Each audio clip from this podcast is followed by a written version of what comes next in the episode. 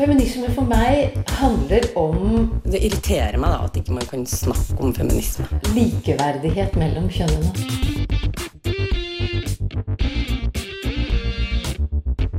Det blikket på kvinnen på film. handlet det om å bli tatt på alvor som jente. Du hører på Et eget rom på Radio Nova. Det er nå over 20 år siden den første boka om Harry Potter kom ut, og det er ingen tvil om hvilken påvirkning det har hatt og har. Men hva skjer hvis vi undersøker serien med et feministisk blikk? Er det da like bra?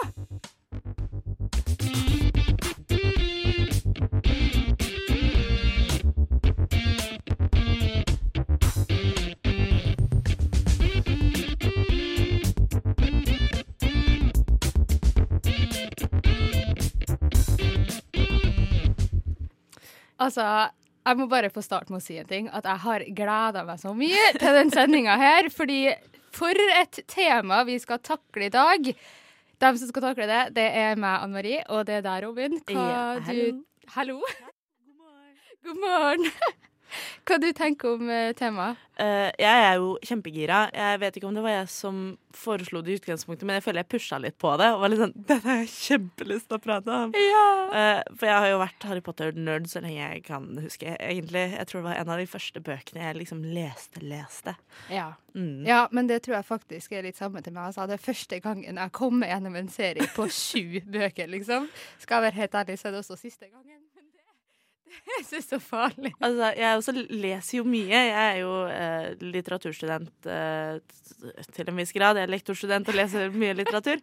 Men jeg må vel også innrømme at det er vel den eneste syv bok lang serien jeg også har lest, tror jeg. Ja, og så er det liksom Det i seg sjøl er jo veldig kult, men så er det også det at det her er noe vi orker å lese som barn. Ja, for eh, Anne Marie, hvordan, hvordan ble du introdusert for Harry Potter? Når og hvordan og så videre? Nei, OK, fordi eh, pappa tok meg med på kino når eh, jeg gikk eh, andre klasse. Eh, og da så vi toeren Harry Potter og Mysteriekammeret.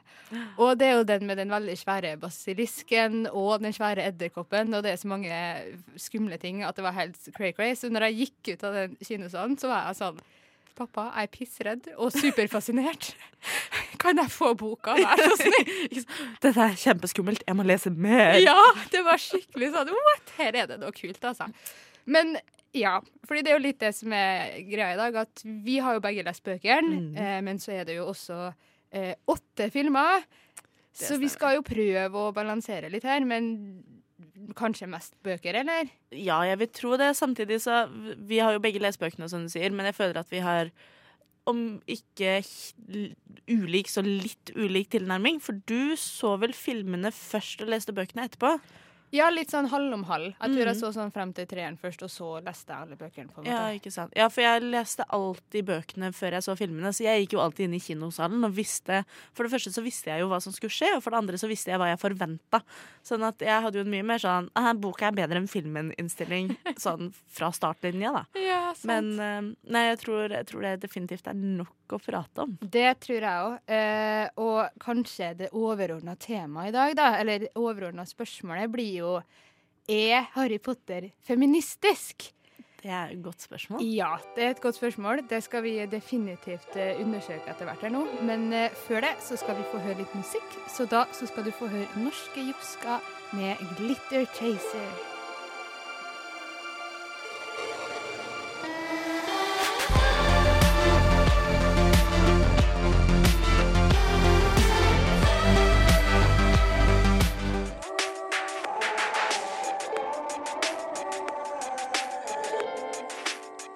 Ja, det var altså Joska med Glitter Taser. Litt passende navn, føler jeg, for eh, temaet i dag.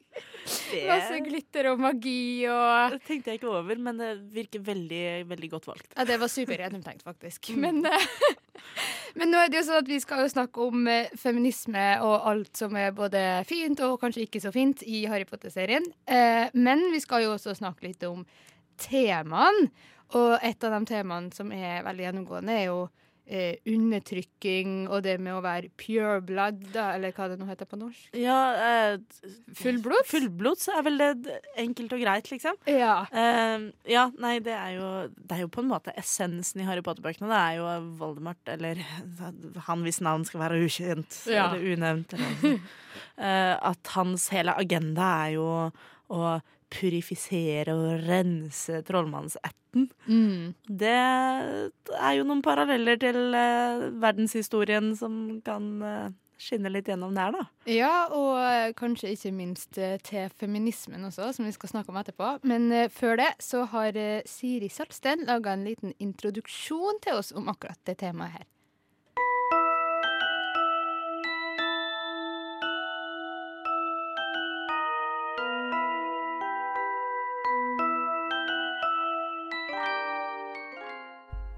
Selv om Harry Potters univers består av magi, trylleformler og overnaturlige vesener, kan en trekke mange paralleller til vår ganske så alminnelige verden.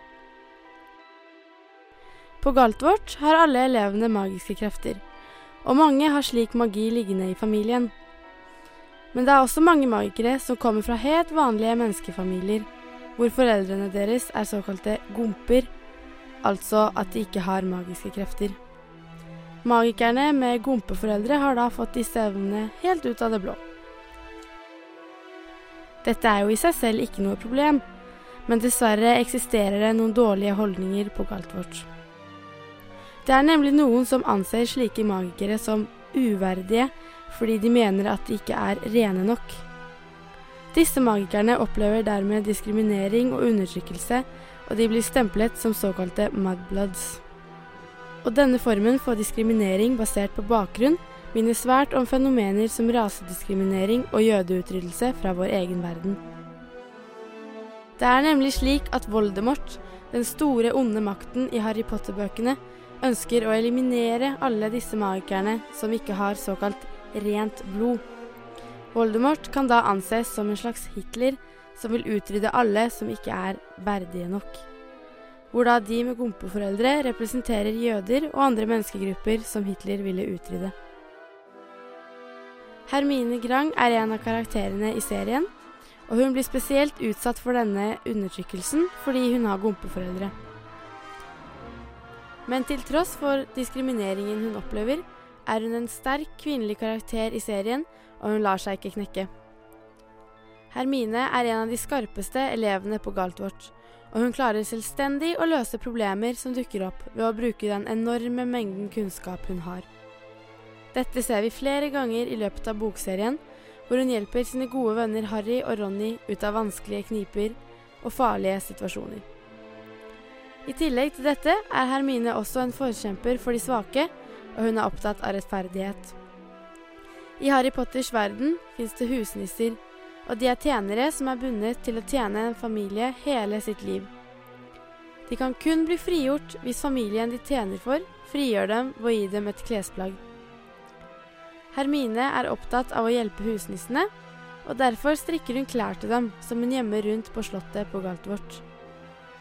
Det er da meningen at husnissene kan finne dem, slik at de kan bli frigjort.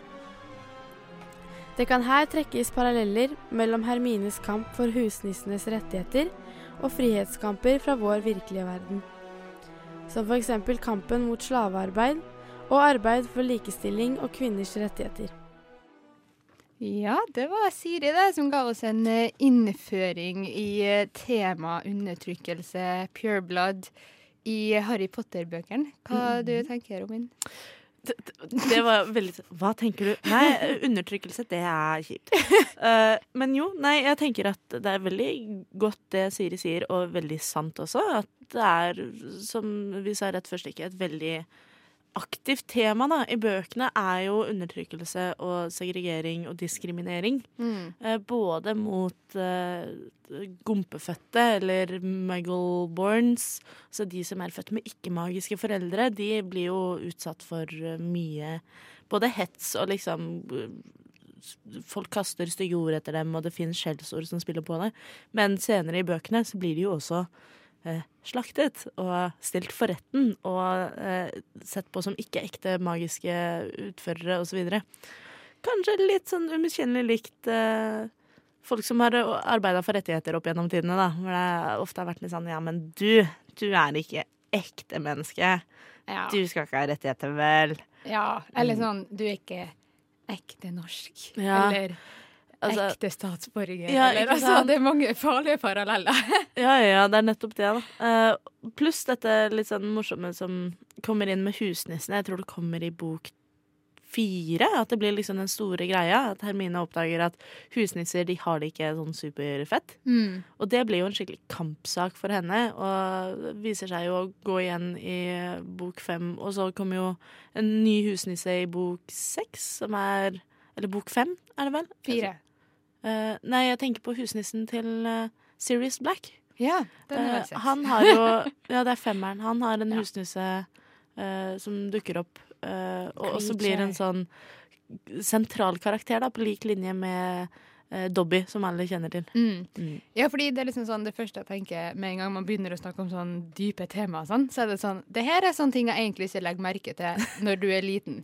Eh, eller når man leser det første gang. Mm. Men nå, hvis man leser det og tenker over det, og sånn, så er det veldig sterke paralleller til ting. Og så tenker jeg også da at det med husnissene er jo en ting som egentlig går igjen gjennom hele serien. Fordi første gangen du blir introdusert til det, er jo med eh, Dobby, eller Noldus, da, i Mm. bok to. Og liksom familien Malfoy og alt det som er fælt. Og så klarer han å bli fri, og så blir det en hel greie med Hermine og den gjengen, og så blir det en hel greie med Creature og Harry og sånn, på en måte. Så det er jo en sånn veldig gjennomgående parallell der, da. Ja, og hun herre Winky, eller hva er det hun heter på norsk? Blink? Blunka, tror jeg. Blunka. Ja, som er uh, husnissen som har en stor rolle i fireren, hvor det viser seg at hun har hjulpet med å eh, ja, hjelpe til i sånn kriminelle lurerier videre til eh, den her eh, Bluff-familien. Ja. ja, fordi litt av nøkkelen her er jo at de er jo bundet til å tjene en familie Mm. eh, hele sitt liv, og med mindre de får klær, så kan de aldri bli fri. Og så er det litt interessant, fordi Noldus er jo veldig sånn Nei, jeg vil bli fri, og så klarer han jo det ved hjelp av Harry Potter. Ja. Men så har du jo også Blunka, da, som på den andre sida blir syk. Og Ja, som, for hun blir jo- Med mindre det er sagt direkte, så blir hun jo egentlig alkoholiker. på en måte. Ja, for hun blir jo avskjediget. Altså, hun får jo sparken der Dobby blir frigjort. Ja. Uh, og Blunka er jo veldig lojal til sin familie, så hun, jeg tror det er en scene i eh, fireren hvor hun blir beskrevet som hun sitter på kjøkkenet til Galtvort, der hvor alle husnissene jobber, og sitter der og har drukket så mye butterbeer at hun ikke kan snakke sammenhengende lenger. Og alle de andre husnissene er litt sånn nei, nei, ikke se på henne. Hun er ikke representativ for oss. Nei, nei, ikke, ikke snakk med henne, liksom. Fordi Ja. hun blir så sønderknust. Ja. ja, det er jo ja, det er kanskje det tydeligste eksempelet sånn sett da, på undertrykking i Harry Potter. At du har en hel rase som er liksom basert på at dere er skapt for å bare være tjenere. Ja. Slaver i noen tilfeller, iallfall i de kjipe familiene. Og det er det dere skal gjøre, på en måte. Og det er interessant også den måten de er fremstilt som at det å være tjenere er deres natur og den eneste naturen de har.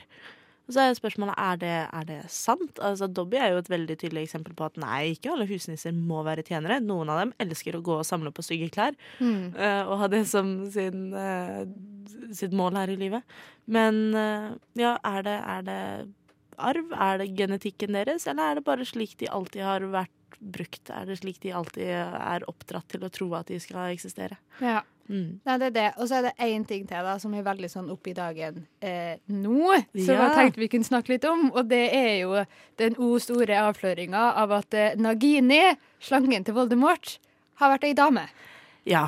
Ja. Dette er jo helt ferskt. Altså, Ja. Det blir vel avslørt i den andre Fabeldyrfilmen som kom ut her forrige uke i Norge. Mm.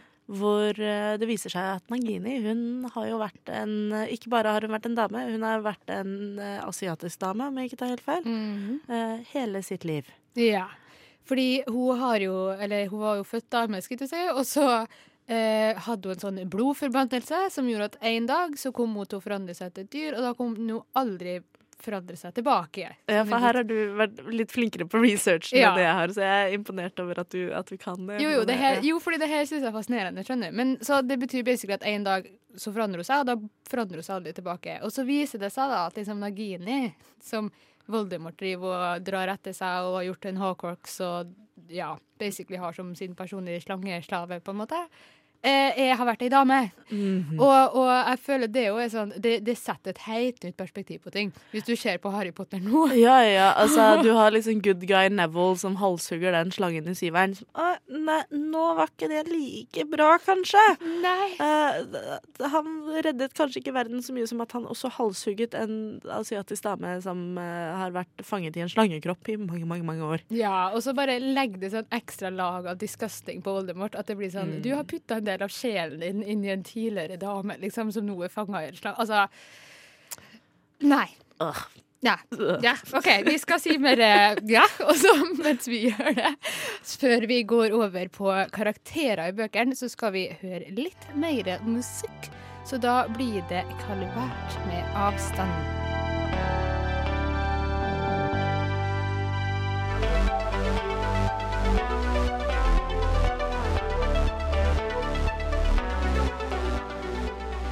Ja, søskenduoen Kalvert fikk du der med avstand.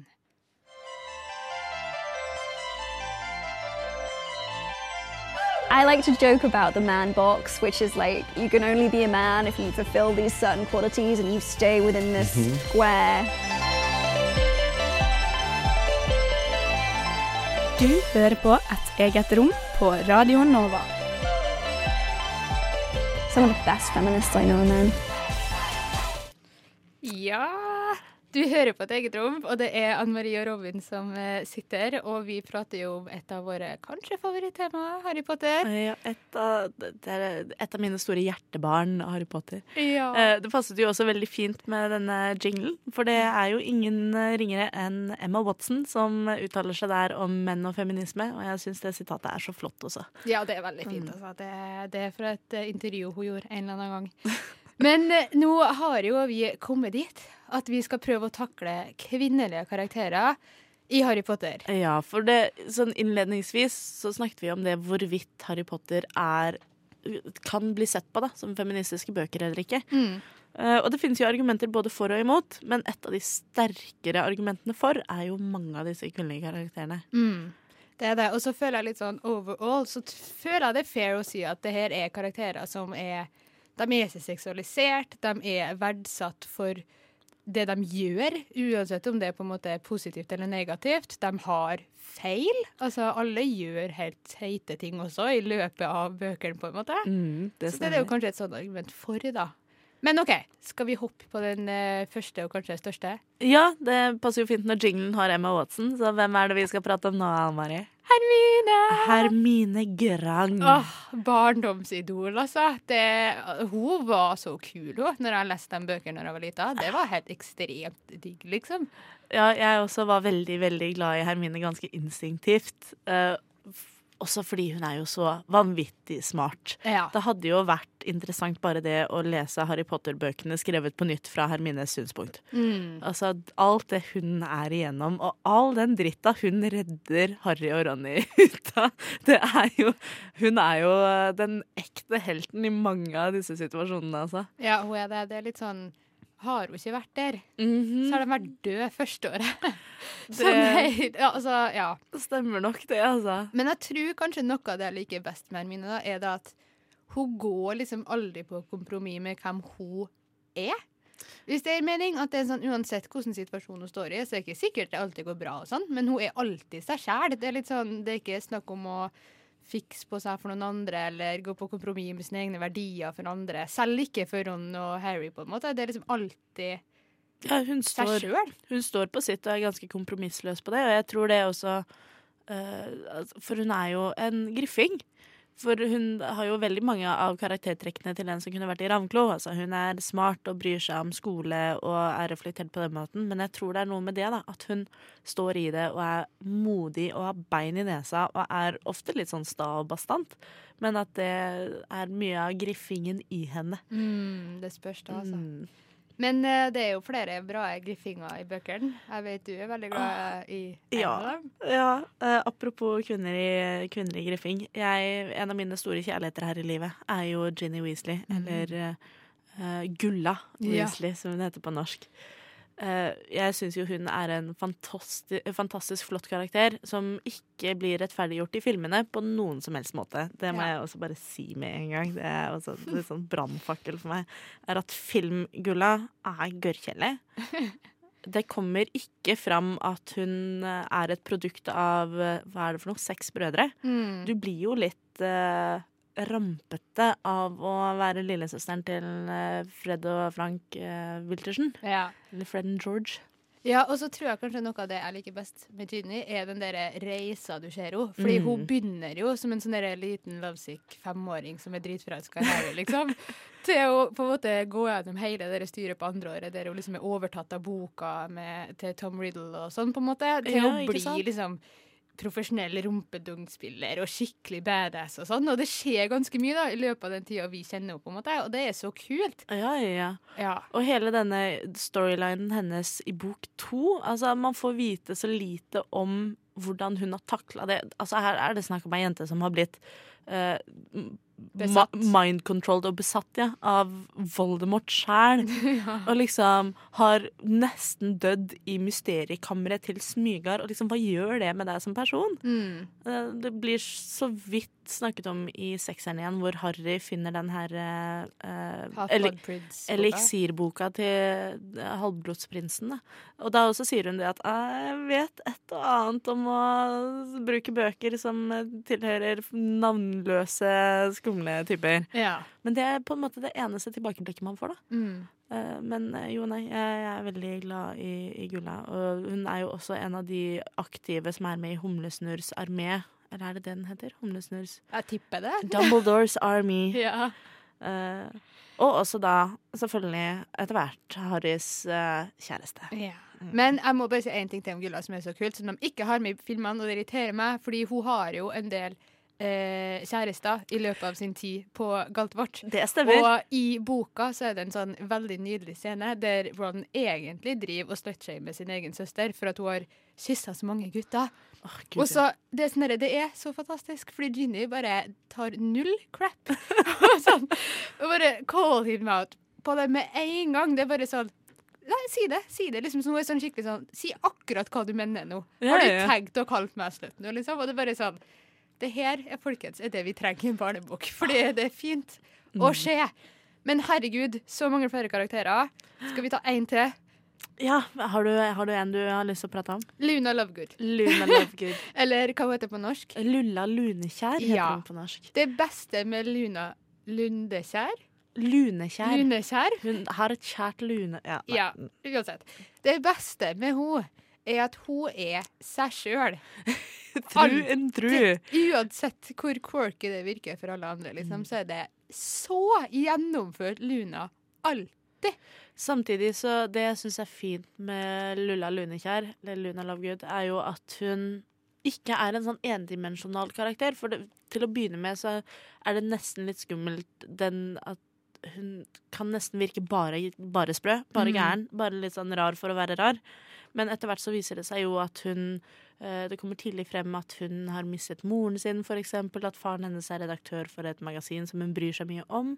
Hun er jo også et av disse veldig aktive medlemmene i Humlesnurrs armé, som også blir en veldig sentral karakter i de neste bøkene. Mm. Eh, og hun har eh, mange dimensjoner ved seg som dukker opp etter hvert. Ja. Og det er egentlig veldig godt, der hun kunne risikert å bare være en litt sånn glorifisert manic pixie dream girl som bare er quirky for å være quirky. Og så er hun litt søt og så uh. Men eh, det kommer vel heller ikke fram i bøkene, så fremt jeg husker, at hun er noe sånn romantisk interesse for noen. Selv om eh, jeg tror vi alle er enige om at hun og Neville Longbottom, eller eh, Mm. eh, Nylys. Langbale, hva Ja. det heter på norsk, at de egentlig er litt skapt for hverandre, syns hun. da. Ja.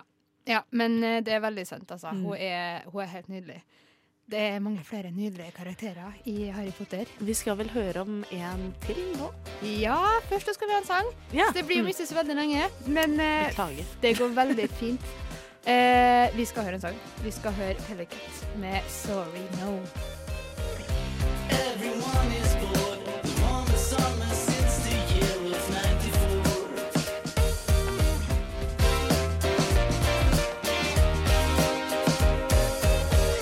Ja, det var Oslo-kvartetten Pellicat med 'Sorry No'. Vi skal over på kvinnelige karakterer som vi syns er veldig kule, fordi de kanskje er litt mer moderlige. Eh, og før vi prater om det, så har vi funnet eh, litt prating av JK Rowling og Julie Walters, som snakker om Molly Weasley.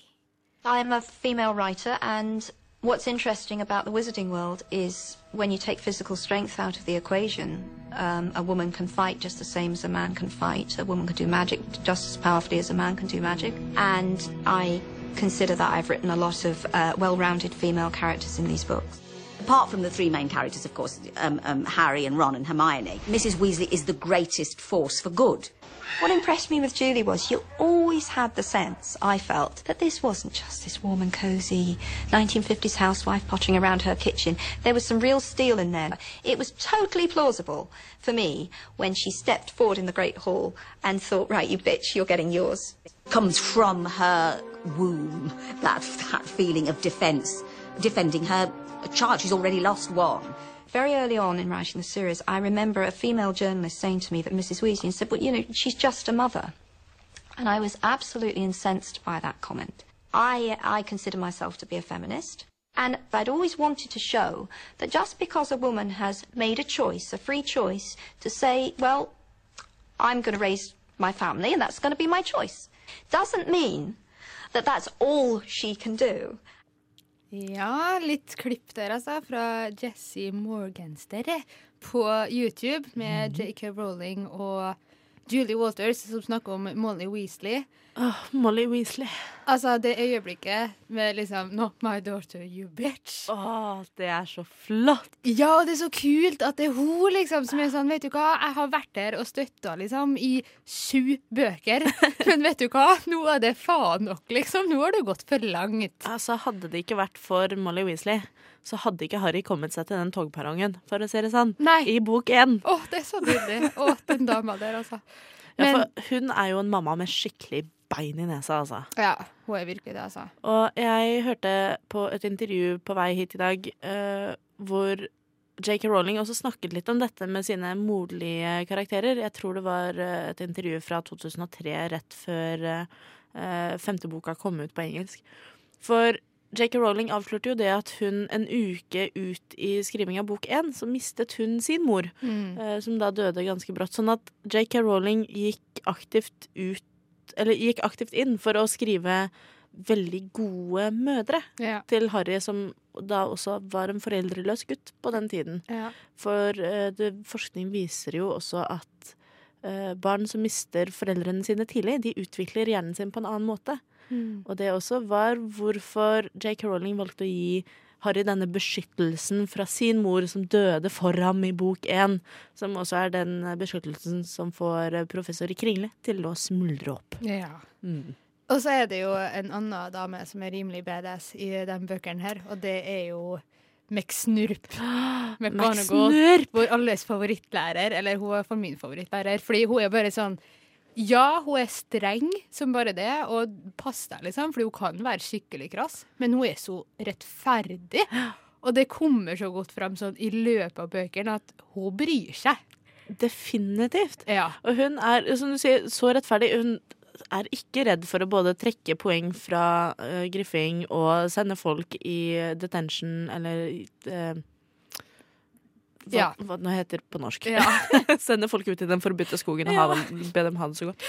Uh, men det som også er med McSnurp, er jo Vi har jo ikke snakket så mye om forskjellen på bok og film, men der altså, der syns jeg den castinga av McSnurp på filmen er helt konge. Det er, ja, det er Dame. Maddie, eh, Maggie Smith gjør den rollen så godt. Det er helt ekstremt. Altså, ja, det øyeblikket når hun bare tar på seg og liksom bare får vekk Snape, skulle jeg si, Mm. og så slur i slutten av den boka, det er jo også veldig magisk. Og også når hun blir konfrontert med Dolores Umbridge Mm. uh, i bok fem. uh, og bare disse to kvinnene setter hardt mot hardt. Uh, og nå må jo da også Max Snurp gi seg, for Umbridge er jo fra The Ministry. The Ministry.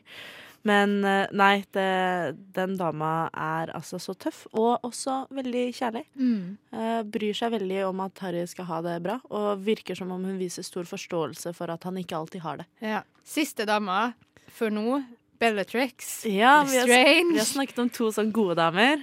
Nå kan vi snakke om en som er gjennomsyra ond, Ja. og bare fordi hun har lyst selv. Ja, det er litt sånn Altså, du kan si hva du vil om det hun gjør, og motivasjonen, for det er jo en del som sier at eh, noe av grunnen til at hun gjør det hun gjør, er på grunn av at hun er liksom forguder Voldemort og trenger hans approval og liksom det- godkjennelse. Og det kan godt hende at det Ja. stemmer, men likevel. Hun gjør jo akkurat det hun vil. Hun virker jo veldig selvdreven, for Ja. å si det sånn. Og så er det jo interessant, for hun er jo slem hele veien.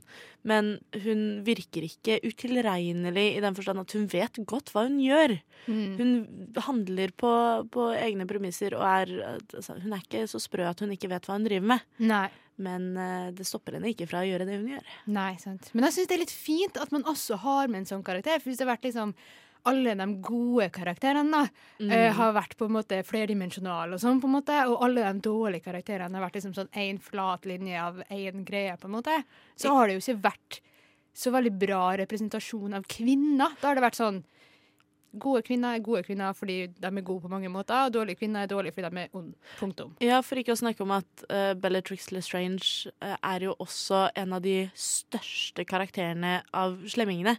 Hun tar jo mye plass og har gjort veldig mye som har satt spor. Mm. Uh, og det er jo mer enn man kan si i mange andre settinger hvor the bad guys alltid er bad guys, altså slemme menn. Mm. Mens her er det jo en dame som virkelig setter spor, da. Ja, det er veldig sant. Eh, nå har vi vært veldig positive til veldig mye, eh, men vi skal snart over på kanskje litt mer eh, negative ting, eller ting å plukke på i eh, Harry Potter. Men eh, før det så skal du få høre Sandra Kolstad med Half-Life.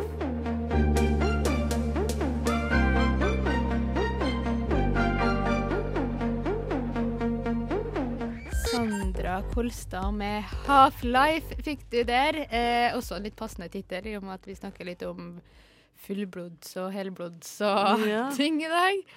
Men OK, nå skal vi prøve å være kritiske her, Robin. Ja. Ja, kritisk til kvinnelige karakterer. Hva har du å si? Altså, jeg er jo veldig veldig glad i Harry Potter, og jeg syns den har gjort veldig mye for feminismen, og også dette med å gi barn sterke kvinnelige karakterer å relatere seg til. Men når det er sagt, Ja. så er ikke alle Rollings kvinner like bra, altså. Og ikke alle hennes valg er like forsvarlige. Uh, en av mine store sorger er jo for eksempel karakteren Cho Chang. ja, fordi uh, det, for det første så er det jo det mest rasistiske navnet som har funnet sted i Harry Potter-universet. Det er jo ikke til å eh, gjemme under en stol, for å si det sånn. da. Eh, og hun er jo også veldig endimensjonal. Mm. Cho Chang er jo nesten utelukkende en kjærlighetsinteresse. Først for eh, Cedric Diggory, uh, som dør i Tretrollmannsturneringen, og så da siden for Harry Potter. Som uh, ikke egentlig vet en dritt om henne. Ja. Annet enn at hun er pen, og hun er i Håsblås. Og det er egentlig det vi får vite også. ja, er jo ikke i Ravnklo. Eh, jo, det stemmer. De er ikke i samme hus, det er liksom det. ja, ja, det er det viktige. Ja, men det, se da, jeg har lest disse bøkene vanvittig mange ganger. Jeg trodde hun var i Håsblås. Så, Ja. Uh, og det syns jeg er veldig skuffende. Det samme gjelder jo på en måte Lavendel Brun, eller Lavender Brown, som er kulling med Harry og Ronny og Hermine. Hun går i samme år som dem og er også i Griffing. Men hun blir på en måte redusert til en sånn bimbo-type i Mm. bok seks, hvor hun blir kjæreste med, med Ronny. Ja. For hun dette, Her har jo du skrevet mange gode notater også, uh, Ann Mari. Uh, Du kan få si det. hvis du for hun Ja, det, det, altså, du, stopper du meg ikke, så fortsetter jeg. Altså. Uh, hun er jo til å begynne med eh, en griffing på lik linje med alle andre. Altså, hun snakker i timene, hun er en sånn sentral bikarakter, så fremt man har sentrale bikarakterer. eh, og er med i Humlesnurrs armé, hun også. Hun jobber ganske hardt. Er også etter hvert med i The Battle at Hogwarts, altså den kampen i bok syv som eh, blir avgjørende for hele konflikten. Men hun blir altså portrettert som en hjerneløs bimbo når hun forelsker seg i Ronny. Ja, OK. Fordi det jeg tenker er problemet her, da, er at vi ser jo det her gjennom Harry sine øyne og delvis Ronny sine øyne, og det gjør at vi får det ene blikket på henne som det de har, ikke sant? Og så føler jeg at det er, blir veldig lett da, at vi som lesere sitter og er med på den shaminga, for at hun er feminin, så skal hun liksom bli shama, og det er jo helt krise. Så det er liksom, man må egentlig være litt våken da, for å sjøl som leser klare å sitte og være sånn OK, nå er det fordi jeg leser ett perspektiv på det her som gjør at hun er fremstilt sånn som hun er. Fordi hun er jo egentlig veldig kul. Det er sånn, hun er jo en sånn Ja, representasjon ja. på at feminin og med sminke og som har veldig mye følelser som hun bruker til alt, skulle du si, kan også være badass og heroine, skulle du si, og eh, kjempe i kamper og sånn. Så Ja, ikke sant? Du må ikke være stygg og nekte å bruke sminke for å være kul og sterk. Liksom. Nei, du kan og- helt fint gjøre begge deler. Ja, og det er litt det som måte har vært litt kritikken mot Hermine òg, hvis vi skal ta det òg. Fordi jeg tror vi alle er enige om at vi egentlig er veldig glad i henne. Men Mm. noe av det hun også har blitt kritisert for, er jo at hun blir fremstilt som annerledes enn Ja. alle andre jentene på Hogwarts. At det er litt sånn Grunnen til at Harry og Ron vil være venn med Hermine, er fordi hun ikke er som andre jenter. Mm. Skjønner du? At eh, hun blir litt sånn stilt over de andre jentene på trinnet hennes, da. Og at det er også en sånn ting som er litt skadelig, egentlig, for både den som leser, men også dem som er på trinnet ellers. At de fremstilles som mindre bra fordi de ikke er like annerledes, på en måte. Ja, og det som også er interessant der, er jo at de få gangene Hermine gjør ting som er veldig jentete, som for eksempel hun drar jo på juleballet med Viktor Krum i fireren, da blir hun også uglesett gjennom øynene til Harry og Ronny, Mm. som da blir skikkelig altså Særlig Ronny blir jo helt grusomt sur og blir skikkelig slem mot henne og kaller henne stygge ting. Og det er liksom fordi hun da oppfører seg som en jente. Ja. Og det er så negativt. Og dette er jo altså The male gaze er jo et kjent fe fenomen innenfor feministisk kritikk eh, og feministisk teori. Dette med at man må på en måte bevisstgjøre seg det at man ser gjennom en manns øyne. Mm. Eh, men samtidig så er jo denne boka også skrevet av en dame. Ja, og så, det, og så ser man det jo for så vidt gjennom en gutt. Ja. Ja, Sånn, jo, men sånn, hvis man skal være helt ærlig, da, så er det jo ikke alltid at man ser det gjennom en mann som har seksuelle lyster og sånn. Liksom. Vi ser det jo gjennom en gutt. Mm. Men eh, som jeg har forstått det, så har du også funnet noe å være kritisk til JK sjøl for. Ja, det er egentlig flere ting som hun har fått kritikk for. Det fremste er jo det at Eller det som ble tydelig først, er jo det at hun har skrevet under initialene JK Rowling. Hun har ikke valgt å bruke det feminine navnet Joanne, som er det hun heter.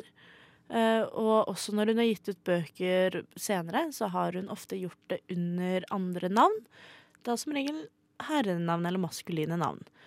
Og det er jo, altså, det er jo saktens forståelig fra et markedsføringsperspektiv, men det er jo også veldig skuffende at hun aktivt velger å bruke maskuline navn, eller ikke bruke sitt eget feminine navn, for å uh, selge bedre, da. Mm. Når, altså, alle vet jo nå at det er ei dame som har skrevet disse bøkene, og alle kjøper dem jo likevel, på en måte. Mm. Pluss at hun tidligere i år uh, liket en tweet eh, som var Vi har jo snakket jo tidligere i år om eh, terfer, eh, feminister som ikke er så supportive for eh, transpersoner. Eh, og J.K. Rowling også liket en tweet som kalte transkvinner menn i kjoler. Eh, og det var de veldig mange som ble veldig skuffet over. For hun har jo tidligere ikke uttalt seg noe særlig om eh, transrettigheter, og hun har jo ikke veldig tydelige LGBT-karakterer i bøkene sine i det hele tatt. Det kan vi komme tilbake til for øvrig. Men når noe av det lille hun sier, da, er at hun f.eks. liker en tweet som er veldig transfobisk, så er det veldig skuffende for mange av hennes trofaste fans. Ja. ja, altså for det første så er TERF, bare for å repetere det, det er jo transekskluderende radikalfeminist. Så det er jo en feminist, men som mener at transkvinner ikke skal være en del av feminismen. Akkurat. Så det er jo litt det hun kanskje blir anklaga for å være her, da. Ikke nødvendigvis fordi hun ikke anerkjenner at transkvinner er en greie, men fordi hun mener at Hun er enig med de som mener at transkvinner ikke er en greie. OK. Mm, ja, Ja. eller at hun viser støtte på Twitter, da. Og så er jo det noe man enkelt kunne gått ut og sagt at unnskyld, dette beklager jeg, dette er ikke de meningene jeg står for, osv. Men det ble på en måte aldri gjort. Det var en PR-agent som gikk ut og sa at ah, nei, hun kom borti den knappen ved en feil. Mm. Men som du sa før sending her, at JK Rowling hun har vært på Twitter i mange år. Ja. Så det er nok ikke sikkert at den unnskyldninga holder vann, da. Nei. Vi må begynne å konkludere snart. Eh, så jo, dessverre så må vi nok det, du. Men eh, før vi gjør det, så skal du få høre Skarp med å gå.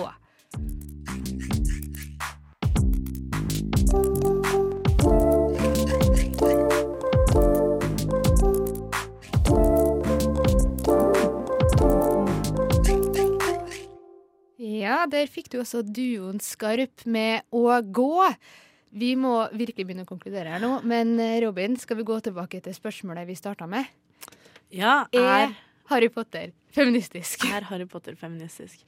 Eh, det finnes jo ikke noe enkelt svar på det, eh, fra en litt sånn litteraturanalytikers perspektiv i hvert fall. Det finnes aldri et eh, ja-nei-svar. Mhm. Men jeg tror vi kan gi et tentativt ja, tror ikke du? Jo, jeg tror det, faktisk. Fordi at ja, det er en del utfordringer, vi snakka jo om noen av dem, men jeg føler de fleste av de utfordringene er like masse sånn for å minne oss på at ting er ikke bare perfekt. Det er som Hvis det ikke, Ikke var en eneste smålig sexistisk karakter i Harry Potter, liksom, så har jo ikke det vært et problem i det samfunnet i det hele tatt. Og det, og, da er det jo obviously, på en måte.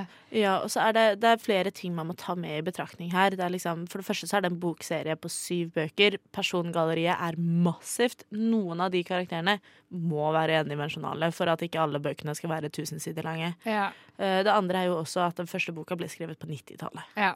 Mm. Så i konklusjonen, det er feministisk. Eh, I studio i dag har vært med Anne Marie Sundet og Robin Frøyen. Vi har hatt tekniker Helje Svensson, og Siri Salstein har bidratt. Vi tenker å fortsette praten litt, fordi det er så masse ting å prate om. Så hvis du vil høre resten av vår Harry Potter-prat, så finn oss på podkast seinere. Nå på veien så skal du få med deg Pikekyss med håpløs slash ukomplett.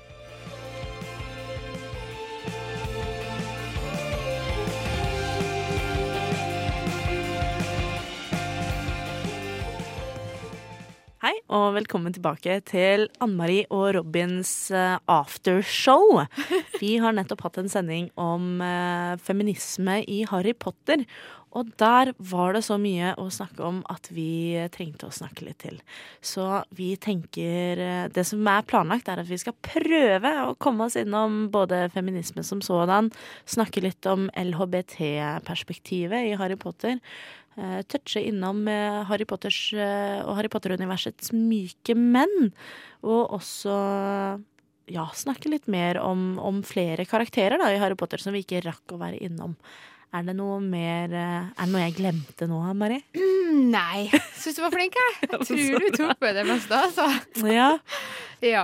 Hva Men- vil du begynne med, da? ja. Hvor skal man begynne? Jeg tenker at vi kan begynne på noe enda litt lettere. Ja. Eh, Ann-Marie, Ja. hvilket Harry Potter-hus er du i? Ah, du, nei, altså, jeg har jo tatt eh, testen på Pottermore en del ganger fra første gang den kom ut, skulle jeg til å si, til sånn for tre uker siden. Um, og det er litt sånn Jeg blir jo litt forskjellig. Eh, ja, så jeg har blitt eh, Griffing, jeg har blitt ramklo, og jeg har blitt Smygar. Men du har aldri blitt Håsblås. Aldri blitt håsblås. um, så en av de tre, sånn personlig, så tror jeg kanskje jeg ligger en plass mellom Griffing og ramklo, hvis jeg skulle ha gjetta sjøl, da. Griffing claw, liksom. Ja. Ravendor. Ja. En av de to. en av de to.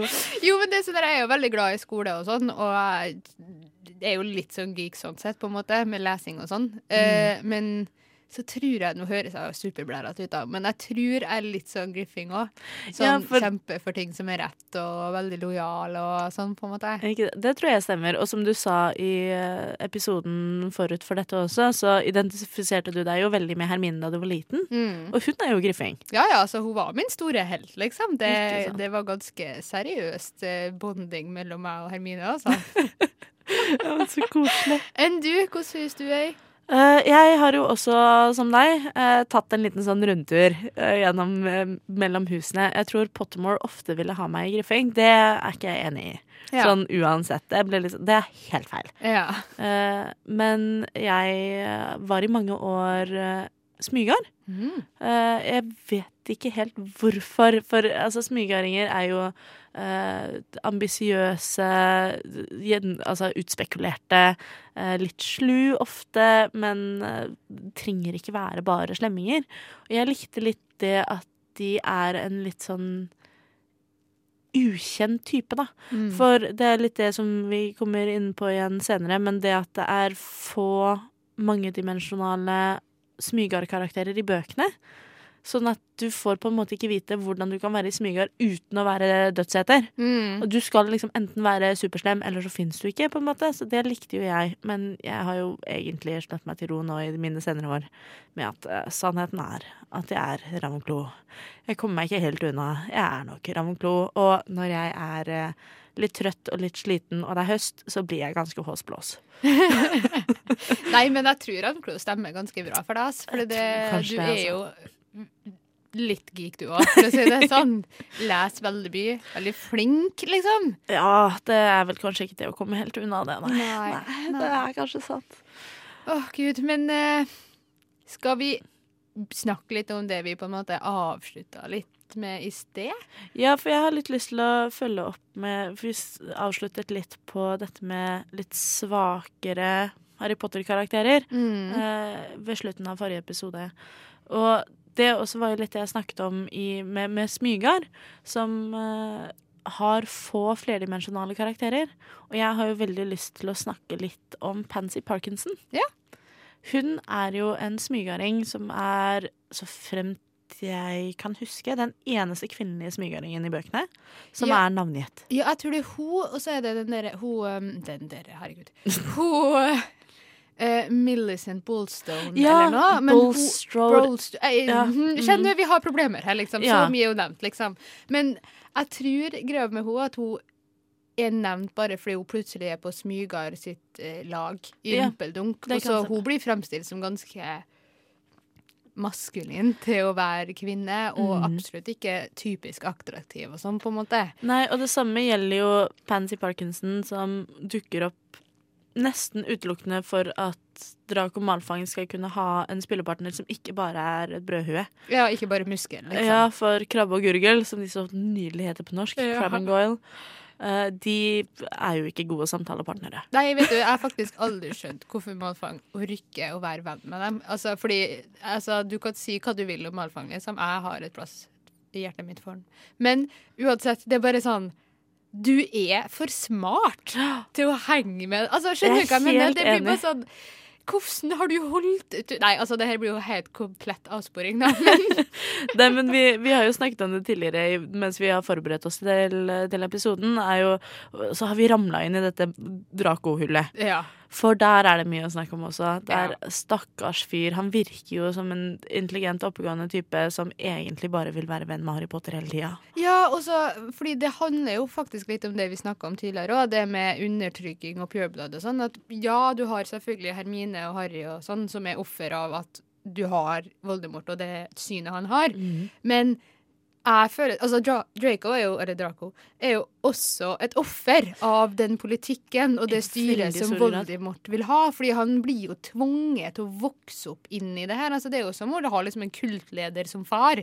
Ja, og så ja. har du jo ikke noe valg enn å følge den ideologien far din har satt. Liksom. Hvis ikke blir du kasta ut av hele familien. Ja, Og- ikke bare blir du kasta ut av hele familien, du risikerer jo også å bli drept av Voldemort. Ja, liksom. Det er ikke bare sånn- litt. Nei, og når du er liksom ti år, når det her starter på nytt, da, og du vokser opp i det hele tida, liksom, og så kommer du til den alderen der du er sånn 13-14 år, altså når du går åttende, niende i Norge, liksom, Ja, altså, så skal du ta et valg. Altså, det blir sånn det, Hva slags valg har du egentlig da? Hæ? Nei, ingenting. Det her er ikke et reelt fritt valg, folkens. Nei, det er nei. poenget. Altså Her er det jo en stakkars gutt som blir stilt til veggs og blir bedt om å myrde Humlesnurr, altså hans rektor og autoritetsperson som har tatt vare på ham i seks år, når han bare er 16 år gammel. Ja. Da jeg var 16 år gammel, så hadde jeg ikke drukket øl engang. Altså, det var liksom, da jeg var 16 år gammel, så jeg vet ikke jeg, ah, jeg visste ingenting. Jeg ante jo ikke noe om hvem jeg var eller hva jeg ville med livet mitt, annet enn at nei, jeg liker musikk og bøker. Ja. Eh, Det var liksom så langt det hadde kommet. Mens Draco Malfang han blir bedt om å myrde humlesnurr. Altså, Ja. Ja, og jeg føler liksom det er sånn perspektiv å ha med seg da, med en gang Ja. man snakker om smygaringer, spesielt inkludert Pansy Parkinson, for den saks skyld, for hun kommer jo fra en pureblood-familie der hysteriet er real, liksom. Altså, Mhm. Voldemort is the thing, og da tenker jeg sånn Hvis man tenker litt over det da, mens man sitter og dømmer de karakterene her, så blir man kanskje litt mindre sånn kritisk, på en Men- måte. Men jeg tror også at det er viktig å, å huske på at det er jo et veldig voksent blikk å ta med seg. Ja. Vi som sitter her og er noen og tyve, kan jo fint få til å se på bøkene med den typen øyne. Men når du er syv-åtte år og leser Harry Potter for første gang, så får man ikke med seg det. Nei, pluss at helt ærlig da, så tror jeg jeg har sett en plass at JK hadde sagt sjøl at hun ikke liker Pansy Parkinson. At, eh, altså, at hun liker ikke den dama, fordi hun, eh, eller jenta, da, fordi hun representerer eh, mennesker som JK ikke likte på skolen sjøl. Som var liksom pene jenter med sminke og ting og tang, på en måte. Ja, som eh, mobber og er kjipe. Og Pansy Parkinson gjør seg jo som regel til stede Eller gjør seg usynlig ved at det er hun som slenger stygge kommentarer til Hermine, for eksempel. Ja. Veldig ofte. Sånn at eh, det kan nok stemme. Og jeg tror nok det skinner gjennom også i veldig stor grad. At hun blir redusert til en sånn her bitchy stereotype. Ja, Mm. det er akkurat det der. Flere karakterer. Nei, nå er vi tom, faktisk. Nå er det ikke flere. Jo, det er jo alltid flere karakterer å snakke om. Kan vi snakke, ok, fordi, Vent litt nå. Skal vi prøve å strukturere det så at vi snakker om det negative? Er det det som er greia her nå? Uh, ja, Vi er jo fortsatt inne på kritikk. Nå har vi jo Mhm. snakket om, om flere litt sånn endimensjonale kvinner, og også stakkars smygardinger som virker veldig endimensjonale, og så viser det seg at det egentlig er mye ved dem som er veldig interessant. Ja. Men OK. Fordi jeg har en ting til vi kan prate om, og det er fleur de la cour. Fleur de la cour. Som jeg har, det kan godt hende at jeg uttaler det feil, men uansett, jeg kommer til å si fleur, fordi det er artig å si det der. Føler at det er sånn alle nordmenn prøver å snakke fransk. Fleur. Men uansett, da. Um, hun blir jo også av Molly, som vi snakka om tidligere, som vi er veldig glad i, Molly Wiltersen, altså, Mm. Uh, kritisert fordi Molly tenker at Fleur er en overfladisk eh, jente som bare vil på en måte ha eh, fame and fortune og liksom materielle midler og sånn, fordi hun er jækla pen. Ja. Fordi hun er jo delvis Vela. Jeg vet ikke Ja, om det heter på norsk, men det heter Vila på på engelsk. Men Men ja. Eh, og så syns jeg det, det Ja. Og det er en sånn interessant ting, fordi at sånn som du kjenner Flø i begynnelsen av bøkene, og sånn, så er det jo veldig sånn hun framstår. Altså, sett bort. Men så er det sånn Hun deltar jo i liksom tre Tretrollmannsturneringen. Ja. Ja, for litt av bakgrunnen her, da. For grunnen til at Molly i det hele tatt forholder seg til Flør, er jo at i bok syv så gifter Flør seg med Bill. Bill, ja. Jeg vet ikke om han heter det på norsk, Ja. men Bill Weasley, altså han som jobber med Draga. eh, Nei, nei, det er, det er det er Charlie. det er han som jobber med eh, gnomer i eh, banken. Ja. Ja. Eh, og det er jo veldig interessant, for i bøkene, ikke så mye i filmene, der kommer det ikke så godt fram, men i Ikke bøkene så er Bill framstilt som en skikkelig hunk. Ja. Han er så kjekk. Han har liksom langt hår, han har ring i øret, han er den heite Wiltersen-broren. Mhm. Og selvsagt så er det jo han da Flør forelsker seg i. Ja. Og da blir Molly Weasley litt sånn Ja, du liker han bare fordi han er kjekk og pen og bla, di, bla, og du bryr deg ikke om hvem han er som person. Mhm. Men det får hun jo motbevist. Ja, fordi det som skjer da Nå blir jo det her dypt inn i geek-territoriet, men det får være. Men det som skjer da, er jo at eh, eh, Bill blir angrepet av en varulv, som jeg tipper Fenrir, fordi det er jo den eneste varulven i hele Harry Potter, virker det som. Ja, på norsk heter han Fenris. Ja. Etter Fenrisulven. Det er vel Fenrir på engelsk òg, Mm, så det er samme stemmer det. Uansett, anywho, det var litt mytologi. Norrøn mytologi, ja, ja. Men uansett, at eh, ja, eh, så han blir jo angrepet av en varulv. eh, unngår å liksom bli varulv, for han blir ikke bitt, han blir klora, men Mm. han blir liksom klora i ansiktet. Så etter det så er jo han beskrevet som rimelig ufyselig. Han er ganske grellstygg, altså. Ja, så han har jo gått fra liksom tidenes hank til tidenes ikke like bra. Eh, og da er det jo en scene der han ligger på sykehuset, og Fleur sitter ved siden av ham, og så kommer Molly Wiltersen inn og er sånn derre herregud, bla, bla, bla, bla. Og så ender det med at Fleur er sånn derre Tror du virkelig jeg er her bare fordi han er pen? Liksom? Nå får du fanken meg skjerpe deg, vi skal gifte oss, liksom. Ja, ja. og det er et ganske nydelig øyeblikk. Det altså. er så flott. Ja, for det er jo liksom når man først begynner å tenke over det når det kommer til Flør så, For hun blir veldig beskrevet som en sånn herre sart fransk fugl. Mm. Og det er jo eh, I disse tretrollmannsturneringsutfordringene så klarer hun vel bare én av tre. Mm. Uh, hun får til å få egget fra dragen, men hun får ikke til å redde søsteren sin fra havfolket. Og hun blir slått ut av en forhekset krum ganske tidlig i den labyrinten, så hun vinner jo ikke på noen måte. Men man må liksom minnes på at hun ikke bare meldte hun seg på, men ildbegeret bestemte seg for at hun var en verdig deltaker. Mm. Så det må jo være noe med henne, da. Men, Ja, og så er det litt akkurat det som er så trist, da, fordi alt det vi skravla om i sted, om hvorfor hun er kul, Mm. er jo ikke i filmene. Det er helt sant. Så i filmene så blir hun jo portret- portrettert som en bare dritpen person som tilfeldigvis blir sammen med Bill, liksom. Som by the way bare droppes ut av ingenting i begynnelsen av den der syvende filmen. Og det er bare sånn, oh, ja. by the way, jeg ble klora av en varulv. Og så bare fortsetter de med det helt annet. For ikke å snakke om at det også i Det er vel i syveren også at det, det bryllupet dukker jo opp av ingensteds. Ing, altså, Bill og Flør, hva, hvor kommer dette fra? Hva er dette for noe? Yeah. Det blir jo ikke forklart på noe tidspunkt i filmene. Det blir ikke det. Men OK, OK. Back on track.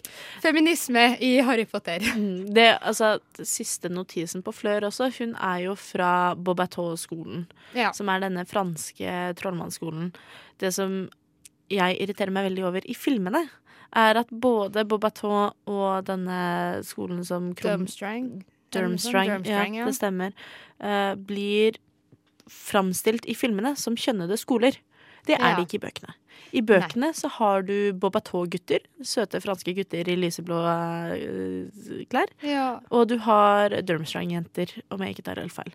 Sånn at det ja, da, da blir jeg litt sånn, eh, blir jeg litt sånn irritert yeah. Over filmene, fordi de setter det opp som så veldig polare sånn Ja, Polare, binære gutter og jenter. Ja, eh, unnskyld meg. Det er sånn den der åpningsscenen der de kommer inn i salen i den der fjerde boka. At når alle jentene kommer inn og springer, og så kommer det sånne fugler og spretter ut av dem, og så sier de sånn oh, og, så, og så kommer liksom etterpå Så kommer mennene med sånne stokker og bare 'Vi er menn, god damn it!' Og så står de der og bare dunker. Det er bare sånn Ja. Ja, altså Det gjør seg jo godt på film, da. Det ser kult ut, men det blir, det blir litt teit. Det er det artigste jeg har hørt. Det gjør seg godt på film, da. Ja, jo, men Jeg føler jo ofte at det er litt det man sitter igjen med. At det er mange av de valgene her som bare er gjort fordi det ser kult ut på TV. Ja. Sånn historiemessig så er det ikke helt innafor. ja. Eh, Jeg har jo også veldig lyst til å komme nærmere inn på noe vi ikke snakket om i episoden i det hele tatt. Mhm. Som vi hadde planer om å snakke om, men det er mye å snakke om. Ja. Eh, Men det er jo Uh, dette med LHBT-personer i Harry Potter. Mhm. Eller uh, kanskje riktigere å si mangelen på sådan. Mhm. For det er én karakter i Harry Potter-serien, og her snakker vi om et veldig bredt uh, persongalleri. Utrolig mange karakterer. Det er vel én J.K. Rowling har bekreftet var skeiv, og Mhm. det er Humlesnurr. Ja. Altså, kan vi, sorry, kan vi bare ta et sekund og tenke over det? På en hel skole med syv klassetrinn Det er greit nok at mesteparten av dem er så unge at de kanskje ikke har oppdaga det ennå, liksom. Men For ikke å snakke om at det er små klasser, men likevel. ja, og det er ganske mange voksenkarakterer også, da, for å være helt ærlig. Liksom sånn til sammen av dem du møter. Og det er litt sånn Det har kosta veldig lite å gjort noen skeiv. Ja, og en ting er å gjøre noen skeive. Altså, jeg føler jo at hun på en måte At det er akkurat det hun har gjort. Er vel, sånn, OK, men Humlesnurr kan være homo, og det er greit, da. Men ingen av dem er jo synlig skeive. Ja. Det at Humlesnurr skal være homofil, er jo bare noe hun har gått ut og sagt litt sånn i ettertid. Eller ikke i ettertid, hun sa det vel mens hun skrev bøkene. Men det kommer ikke fram, da. Du kan ikke lese at han er homofil. Nei, i hele tatt. Uh, og det er, så, det er så frustrerende, for det også hadde vært så enkelt å bare Ja, folk drømmer jo om at Sean, Seamus Finnegan og Dean Thomas egentlig var kjærester, for de var jo bestekompiser gjennom bøkene. Mm. Eh, så til de grader at skuespilleren som spilte Seamus Finnegan, tweetet da det ble felles ekteskapslov i Irland, at nå kunne Seamus og Dean endelig giftet seg. Ja. Men det er jo heller aldri noe som blir presisert i bøkene. Nei, pluss at det er veldig Altså Helt ærlig, altså, kanskje det er litt vanskelig å se for seg òg, hvis du har sett filmene, for da er jo din den samme Ginny Ja, det på et annet tidspunkt. Altså, han kan jo være bifil, da, men altså Ja. Ja, men det det er som du sier, da, at de eneste forholdene som blir portrettert, og de eneste romantiske interessene som blir belyst, er veldig heterofile. Veldig heterofil. Eh, og også veldig cis, når det skal sies. Altså veldig komfortable med det kjønnet de ble tildelt før fødselen. Det er vel ikke et eneste nikk til at noen skal være Altså bryte med kjønnsnormer. Nope, ikke det hele tatt. Men det kan jo også hende at det er et litt moderne behov. Ja. At, at, liksom, at det er liksom nå i det siste hvor den tematikken er blitt belyst, at man begynner å lete etter det mer. Men det skal jo nevnes da, transpersoner har jo alltid eksistert. Og det er Mm. nok mange transpersoner som skulle likt å sett noe av seg selv i Harry Potter-bøkene. Ja. Nei, men det er liksom akkurat det der, da. At man må jo selvfølgelig forstå på en måte at ja, boka kom ut i 1997, ting har forandra seg, men likevel så er det jo sånn Det skal ikke så veldig mye til, da, for å være helt ærlig, på en måte. Og så er det litt det som kanskje tikker meg litt, er det der at det er først etter jeg var liksom ferdig å lese bøkene, typ etter jeg begynte på universitetet, at jeg har hørt noe som helst smygg om at liksom humlesnurr var homofil. liksom. Ikke sant? Det her var ikke en greie når jeg leste når jeg var lita, og det er kanskje det som Det er jo da man trenger det, når man faktisk er liten og leser det, og det var jo ikke en ting om liksom noe som helst form for skjevt i det hele tatt. Ikke et fnugg av LHBT-representasjon i de bøkene. Nope.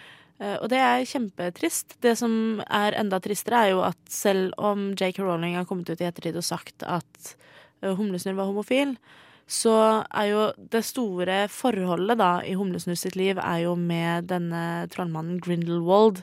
Og dette er jo storylinen som er sentral i de nye fabeldyrfilmene. Mm.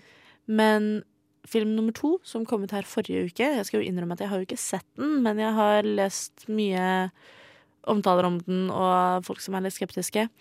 Og der er det vel også bekreftet at det forholdet mellom Humlesnurr og Grindelwald, som i så fall ville vært veldig sentralt i den storylinen, det er ikke å finne i den filmen. Nei.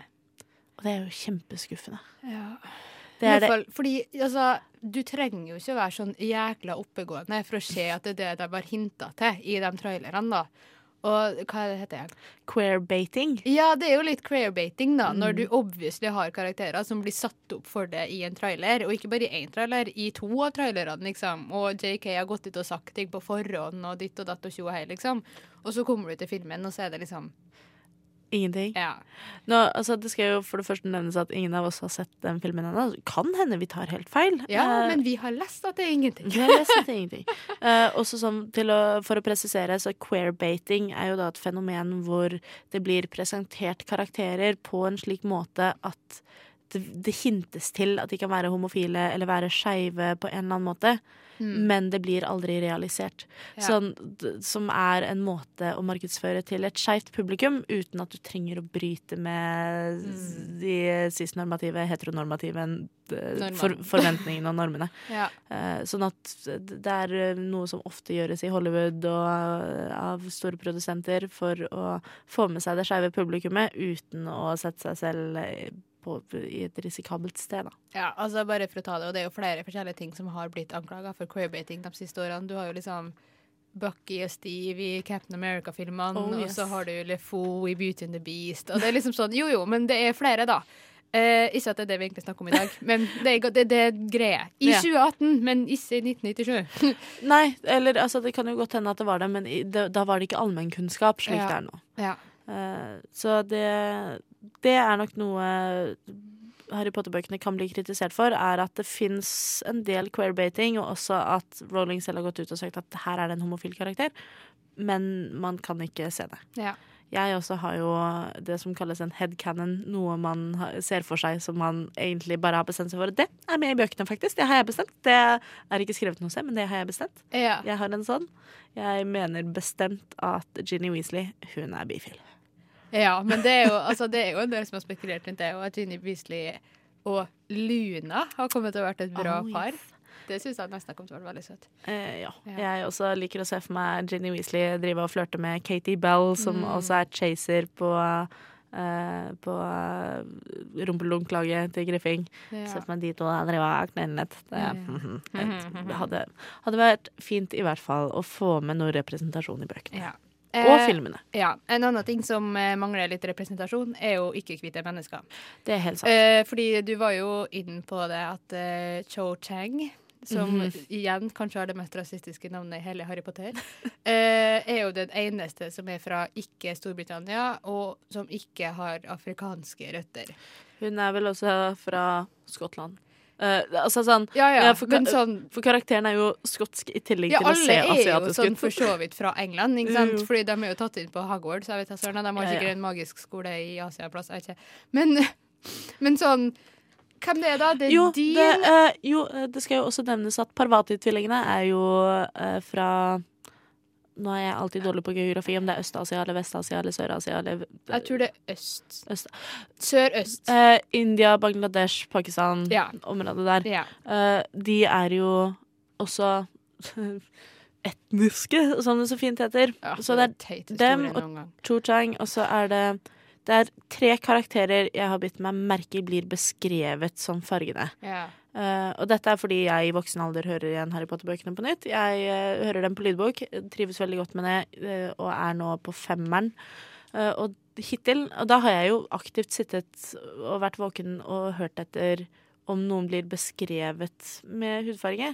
For det er jo mange som har argumentert for at folk kan være farga, det blir bare aldri sagt. Mm. Men sannheten er at det blir sagt. Det blir sagt om Dean Thomas. Eh, han blir beskrevet som svart eh, under verdensturneringa i rumpelunk. Så blir han eh, beskrevet som a black boy, eller a, colored boy. Det også er det Angelina Johnson, som er kapteinen på rumpelunklaget etter at Oliver slutter på Galtvort. Hun, har, hun er mørk og har lange, svarte fletter. Og så er det Kingsley. Denne trollmannen som er med i Order of the Phoenix. Han blir også beskrevet som svart. Sånn det er tre karakterer som blir beskrevet som svart. Men altså, unnskyld meg, det er tre karakterer som blir beskrevet som svart, og så har du et helt Storbritannia, liksom. Og helt ærlig da, folkens, hvis dere har vært i England, eller Storbritannia for den saks skyld, så er det mer enn tre av gudene vet hvor mange, liksom. Ikke, altså, her er det snakk om et land hvis nasjonalrett er tikka masala. Så at det, det finnes flere minoriteter enn Skal vi se, hva blir det for noe? Nå har vi snakket om seks. Det er liksom Cho Chang, eh, tvillingparet, og disse tre beskrevne mørke ja. Altså, det, Ja, det er sånn, Jeg Ah. forventer jo seff ikke at man skal ha liksom 10 000 som ikke er hvite, fordi det er jo flest hvite i England, så selvfølgelig fair enough. Men det er liksom bare et eller annet med det at når du har så få som ikke er hvite, så blir det en greie at de ikke er hvite. mm, På en stemmer. måte, I stedet for at de bare er en fullverdig person som alle andre, som bare tilfeldigvis ikke er hvit, så blir det liksom en ting.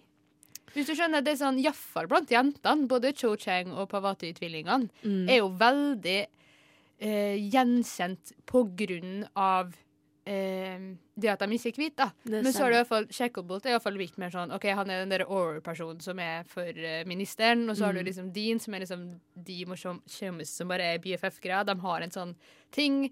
Og så Så er det du vel har- Jeg bare kom på han kompisen til Fred and George. Er vel også Ja, farget i filmene, i filmen. men jeg vet ikke om det, han er beskrevet som det i bøkene. Nei, har ingen peiling. Men ja, uansett er poenget bare det blir litt sånn Det blir litt snevert. Det blir litt snevert. Mm. Jeg er helt enig, og særlig også Jeg har jo reagert på det jeg, da jeg hørte igjen fireren, som er denne boka hvor Hermine blir så opphengt i husnissers rettigheter. Mhm. Og da å lese det og se for seg at Hermine kunne vært svart, det gir så mye mening. Mm. For det er så tette paralleller til Hun reagerer så personlig på at disse husnissene blir undertrykt og tvunget til å jobbe selv om de ikke nødvendigvis vil det selv. Mm. Hun tar det så personlig. Men det er jo bevist det at uh, Rowling tegnet jo blant annet karakterene sine, og hun har aldri tilsynelatende aldri sett for seg Hermine som svart. Mm. Selv om hun har jo gått ut og sagt da uh, Cursed Child begynte på teater, så er jo Hermine eh, en svart karakter. Mm. Eh, og da gikk Rowling ut og sa at det syns hun egentlig var veldig fint. Ja. Men det er det eneste hun har sagt om den saken. Ja det, ja, det er vel det eneste hun har sagt om den saken. Mm. Men OK, fordi går det bra om vi hopper litt nå? Ja, det går Ok, fordi for Jeg tenkte jeg skulle spørre i tilfelle du hadde noe mer på akkurat det her. Men det er jo også En ting er husnisser, men det er jo også en del karakterer i Harry Potter som er undertrykt fordi de ikke er skutt å si hermetegn 100% menneske. Ja. Ja, og der har du jo kanskje den mest kjente, er over alle professor Lupin, liksom, som har null peiling på hva heter på norsk. Eh, Remus Lupin på engelsk. Ja, han heter Remus lupus. Ja. Uh, lupin? Nei, lupus. Ja. Spiller veldig liten rolle. Uansett. Han eh, sliter jo hele livet for at eh, en ulv beit den når han var, det var, fire eller fem år. Han jo, uh, sliter jo med å få jobb, og folk stoler jo ikke på ham og vil ikke ha ham rundt barna sine. type ting. Ja, og det er jo Altså, eh, det er jo en kvinnelig karakter som vi ikke har snakka om, uh, Umbridge. Hun får jo satt inn en lov som forbyr såkalt i hermetegn halvmennesker, altså half-breeds, eh, og jobb. Ja. Så, sånn at eh, han Altså, det greia med Lupus er at han er jo en varulv, så en gang i måneden så blir han ulv, og Mm. da må han liksom restraines, skulle jeg si, men så finnes det en potion som gjør at han liksom blir tam, så han kan bare ligge der som en ulv, liksom. Men OK.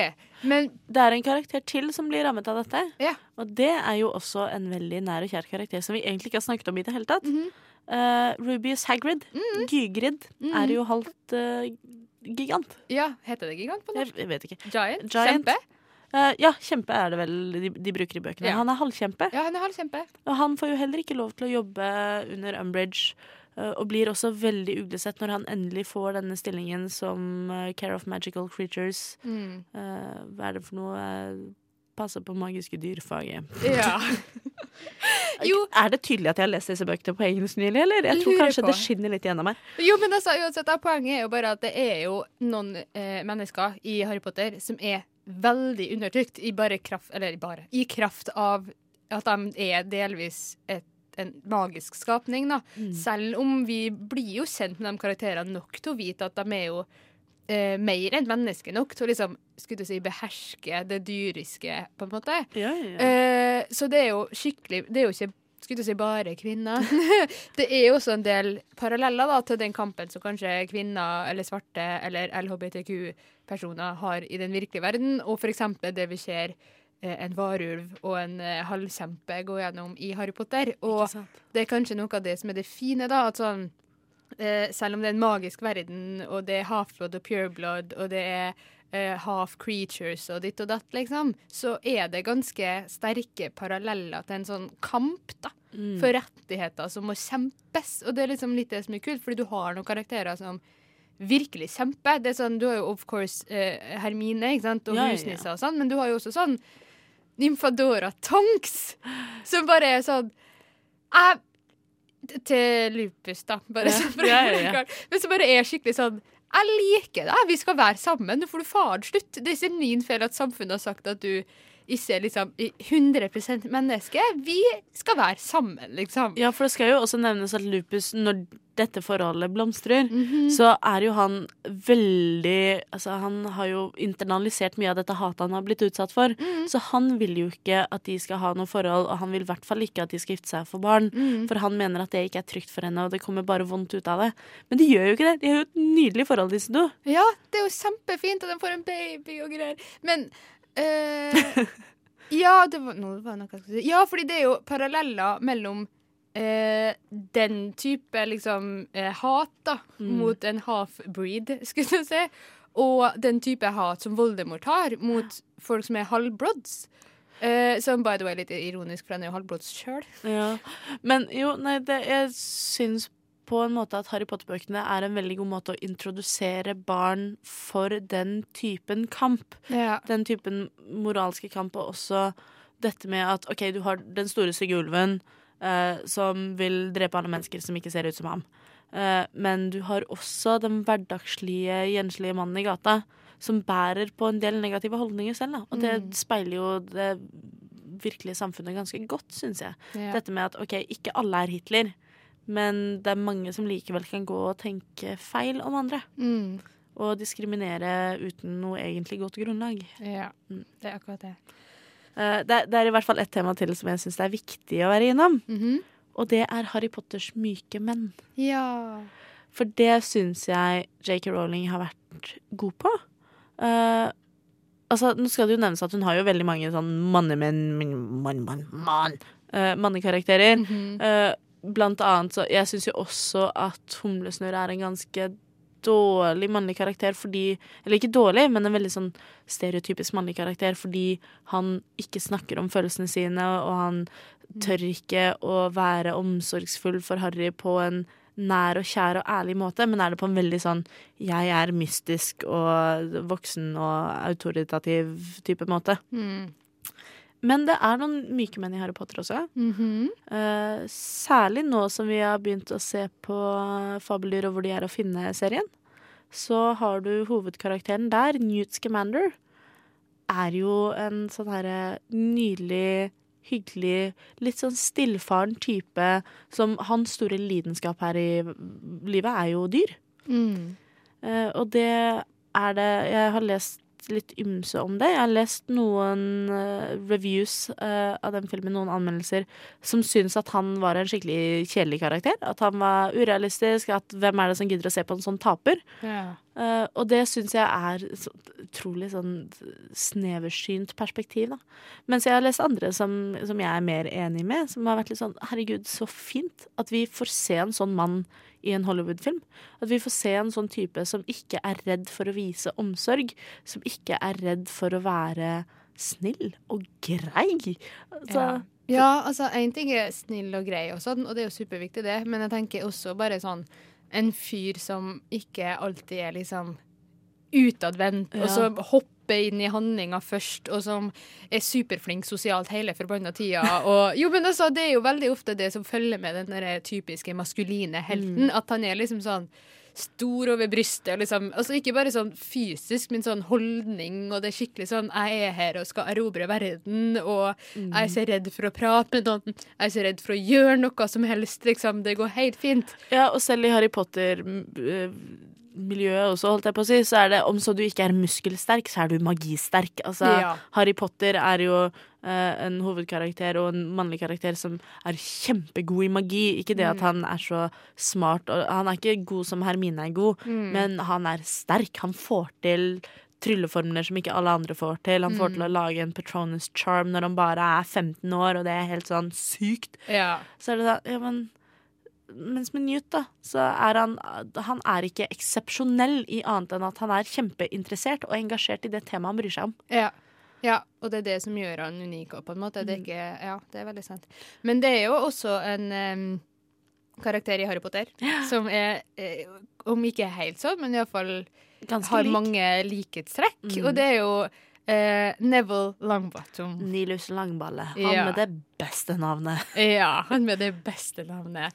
Men eh, han nå er jo Altså, jeg tror kanskje sånn, For altså, han er jo ikke en sånn typisk mannemann. Nei. Fordi gjennom hele serien så er han jo litt sånn kleint, fikser ikke magi så veldig godt. Det er jo et punkt der eh, eh, bestemora tror at kanskje en squib, altså en sånn ikke-magisk person født av magiske foreldre, Mm. eh, og greier og greier, så finner man jo senere ut at det kan hende at det hadde noe med tryllestaven hans å gjøre og sånn. Ja, ikke sant? Men det er et veldig godt poeng, dette med Nilus, og også det at det er hvor Newt Scamander bryr seg om dyr, som er en sånn typisk jentegreie å bry seg om. Altså, Man kan selvfølgelig kritisere at det er kjønnhet av samfunnet osv., men, Men det er det. men det er sånn det er. Dessverre. Eh, Så er det jo Nilus også lidenskapelig opptatt av planter. Ja. Altså Herbology, som har null peiling på hva det heter på norsk, er jo hans felt. Ja, jeg tror det heter bare herbologi. Ja. Gud, nå skal jeg ikke si noe jeg ikke er sikker på. Men ja, at Ja. han er jo lidenskapelig opptatt av det, og kjempegod i det. Ja, han er jo kjempeflink i det, og det er jo på en måte noe av det jeg kanskje liker best. da, er sånn, eh, Selv når du kommer til slutten, og Neville har liksom eh, sleia Nagini, som vi var inne på i sted, og, men, og alt det har skjedd, så er det liksom fortsatt Neville. Han endrer seg personlighet fordi han plutselig har på en måte gjort noe veldig heroisk. på en måte. Mm. Han har alltid vært heroisk, det er bare han har ikke fått det til. Han har ikke vært liksom skulle si skilled nok til å egentlig få til ting, men han har alltid prøvd. Det er jo bare sånn for eksempel i første boka, eller jeg vet ikke om det faktisk er i boka, men det er iallfall i filmen, da, ikke at det er sånn supercanon, men der han liksom prøver å stoppe Harry, Ron og Hermine fra å Ja, er- eh, ned det derre trapdoor til Det er, i, det er jo i bøkene også, Ja, fordi han får ti huspoeng for det, og da vinner Griffing huskopp, Ja, eh, huscupen. Men det er jo superheroisk. Og Mm. når du er elleve år, stå opp mot dem, den mest kjente liksom, fyren på hele skolen og hans to beste venner som sier at de skal ut og redde verden, fordi du tror at de kommer til å gjøre noe som skader liksom, Griffing sine poeng. Liksom. Så han har alltid vært det. Det er bare at han lærer seg ting som gjør at han faktisk lykkes. Ikke sant? Ja, og så er det jo noe med det at man må på en måte Jeg, føler at J.K. Rowling har hatt det litt i baktankene hele tida. Og hun har jo sagt det hele tiden at hun visste hvordan det skulle slutte omtrent da hun begynte på bøkene. Ja. Uh, Og Neville var jo i Griffing, Mm. som er huset for de noble og de dristige og de, liksom, de handlesterke. Da. Mm. Uh, og det kommer jo tydeligere og tydeligere fram etter hvert som han blir eldre. Og han har jo også en utrolig trist eh, bakgrunnshistorie som er utelatt av filmene. Og det er eh, utrolig trist at man ikke får sett den dimensjonen av Neville. Mm. Eh, for hans foreldre er jo ikke De har jo ikke dødd. Nei. Eh, det blir så vidt nevnt i film nummer fem når de ser på et bilde. Ja. Eh, så ser de foreldrene til Linus, eh, Linus Nilus. og så blir det da fortalt det at hans foreldre ble jo torturert til eh, galskap av Bellatrix Lestrange. Mm.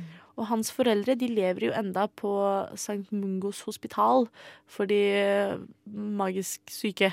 Ja. Eh, hvor det er en scene i bøkene hvor Harry, Ronny og Hermine ser Nilus som besøker foreldrene sine. Og den scenen er altså så sår og så trist og hjerteskjærende at du forstår plutselig Nilus og alt det han sliter med, og alt det som distraherer ham fra å være superflink på skolen og sånn. Mm. Det kommer så tydelig frem, da. Ja, og så føler jeg også at det hjelper på en måte å forstå hvordan den der, Fordi det var jo en hel krig, liksom.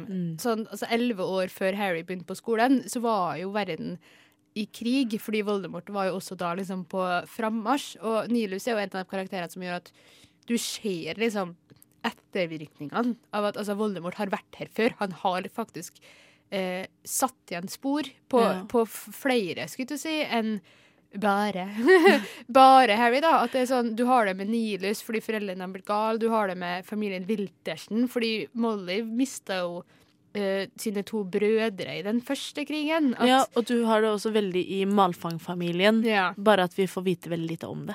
Ja. Mm. Ja, så du får liksom en sånn nytt lag da, som legger på litt det vi snakka tidligere om Draco, at du får den derre krigen gjorde noe. Den sto Ja. for noen ideer som faktisk henger igjen, og som man aktivt må kjempe mot.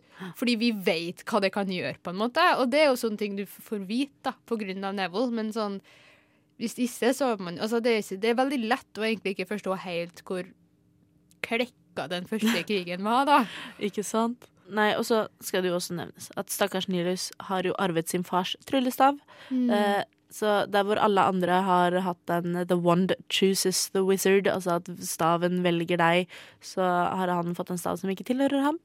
eh, som gjør at han er skikkelig dårlig på magi. Ja. ja, det er også veldig sant. Bare sånn for å støtte opp under Nilus litt til. Han er ikke så ille som han, han så ille som han ser ut til. Nei, han er ikke det. Jeg føler han har hatt en god trope. Eh, ja, det stemmer nok. Han har jo vært den herre klassiske kløna som er med Jeg føler også at den er en veldig sånn britisk klassiker som er med i mange britiske barnebøker. Dette at det er en litt sånn feit, klønete raring. Eh, og så viser det seg jo at han er en veldig flerdimensjonal karakter som har mange, mange lag. Ja. Og som også utvikler seg til å bli en helt. Har vi noe mer der, Robin? Jeg kunne jo tenkt meg å snakke om Harry Potter og fars- og mors roller. Vi var så vidt inne på det i episoden. Dette med at uh, både Molly og uh, Max Snurp er litt sånn morsfigurer for Harry. Mm. Men han er jo også på en evig kamp etter en far. Ja. Og det er jo også utrolig trist, dette med at både Sirius og Dumbledore dør jo fra ham. ja, de gjør det. Og Remus, for den saks skyld. Han hadde jo et år der han egentlig var ganske sånn heftig farsfigur for uh, Harry. Det er helt sant. Ja. Han også har jo hjulpet Harry masse, særlig i treeren, som du sa. Da, at uh, der ble de veldig nære, og det var også da Harry fikk møte Sirius. Og uh, hele femmeren, starten på den, så får jo Harry og Sirius et veldig nært forhold. For Mm. begge føler seg som outcast, begge føler at de er misforstått av de rundt seg. Eh, begge har et nært forhold til Harrys foreldre. Eh, selv om Harry aldri har møtt dem, så kan jo Sirius fortelle ham mye om foreldrene hans som han ikke visste fra før. Mm. Men Sirius dør jo da også på slutten av bok fem. Ja, det er noe det er surest for oss. Fy fader. Unnskyld. Men det, bare, det, det irriterer meg til den dag i dag, liksom. Jo, men altså, jeg liker Sirius så godt, og jeg tror liksom litt av grunnen til at jeg liker Sirius, er jo tilbake til det med undertrykte karakterer, da. At han kommer jo fra familien Svart, jeg vet ikke om de heter det på norsk. Black? jo, Sirius svart, ja. Ja, ja familien Svart. Uh, og de er jo pureblood til et annet nivå. De har en sånn gneldrebestemor nede i kjellerleiligheta, liksom, som bare spyr dritt på både Hermine og, og Ron når de kommer inn i det huset, fordi de er blood traitors og sånn, liksom. Ja, ja, ja. Så eh, Sirius har jo vokst opp i et hus med sånn full on blood-status som det viktigste. Litt sånn som Malfoy sikkert må ha gått gjennom. Helt sikkert. Og, og han valgte jo da å stikke av og liksom rømme. Forlate hele familien, bare fjerne alt, på en måte. Og, øh, og for da liksom til James, Mm. altså familien til faren til Harry. Så jeg tenker, han er en sånn karakter som har vært offer da, av den der ideen om sånn blood purity som så jækla viktig. da. Ja, og om ikke man kan påstå at det, Han har jo ikke vært utsatt for en rasediskriminering i den forstand, men veldig sånn klasseproblematikk og dette med at nei, men du skal være overklasse, og du skal ikke menge deg med, du skal ikke menge deg med. Mm. Blir litt sånn Jo, men det Altså, han ble vel Han ble jo brent ut av familietreet, på en Mm. måte. Han ble jo helt uh, forkasta resten av familien sin. Ja, ja, altså familien hans nå er jo Altså var jo da liksom James og Potter-familien og Remus og sånn, på en måte. Altså, Sirius gikk jo mot alle lover. Han forlot huset, han var valgt inn i Griffing, han var venn med en varulv. Altså Og det er jo en god parallell til eksempel LHBT-personer. Mm. eh, som bryter med familiers, eh, familiers regler og forventninger. eh, og som bygger seg egne familier. Ja. Det tror jeg er eh, egentlig ganske vanlig kultur hos folk som blir utstøtt. Eh, om så det er pga. legning, eller om det er pga. klasse, eller hva det nå skulle være. Men når familien din utstøter deg, så er det vanlig å prøve å søke å bygge andre familier. Og det tror jeg eh, Sirius gjør. Jeg tror Harry har gjort akkurat det samme. Mm. Eh, At de prøver å bygge seg familier der den opprinnelige familien enten ikke fins eller ikke vil ha dem. mm. Ja, det er veldig interessant, faktisk. Har vi fått, har vi fått Jeg vet ikke. Jeg Har vi fått liksom- løfta nå? Jeg sitter liksom og tenker om det er noe mer jeg vil innafor. Jeg vil, OK, jeg må si bare at Apropos morskarakterer og sånn, ikke at vi trenger å gå så dypt inn i det igjen, men McGonagall Ja.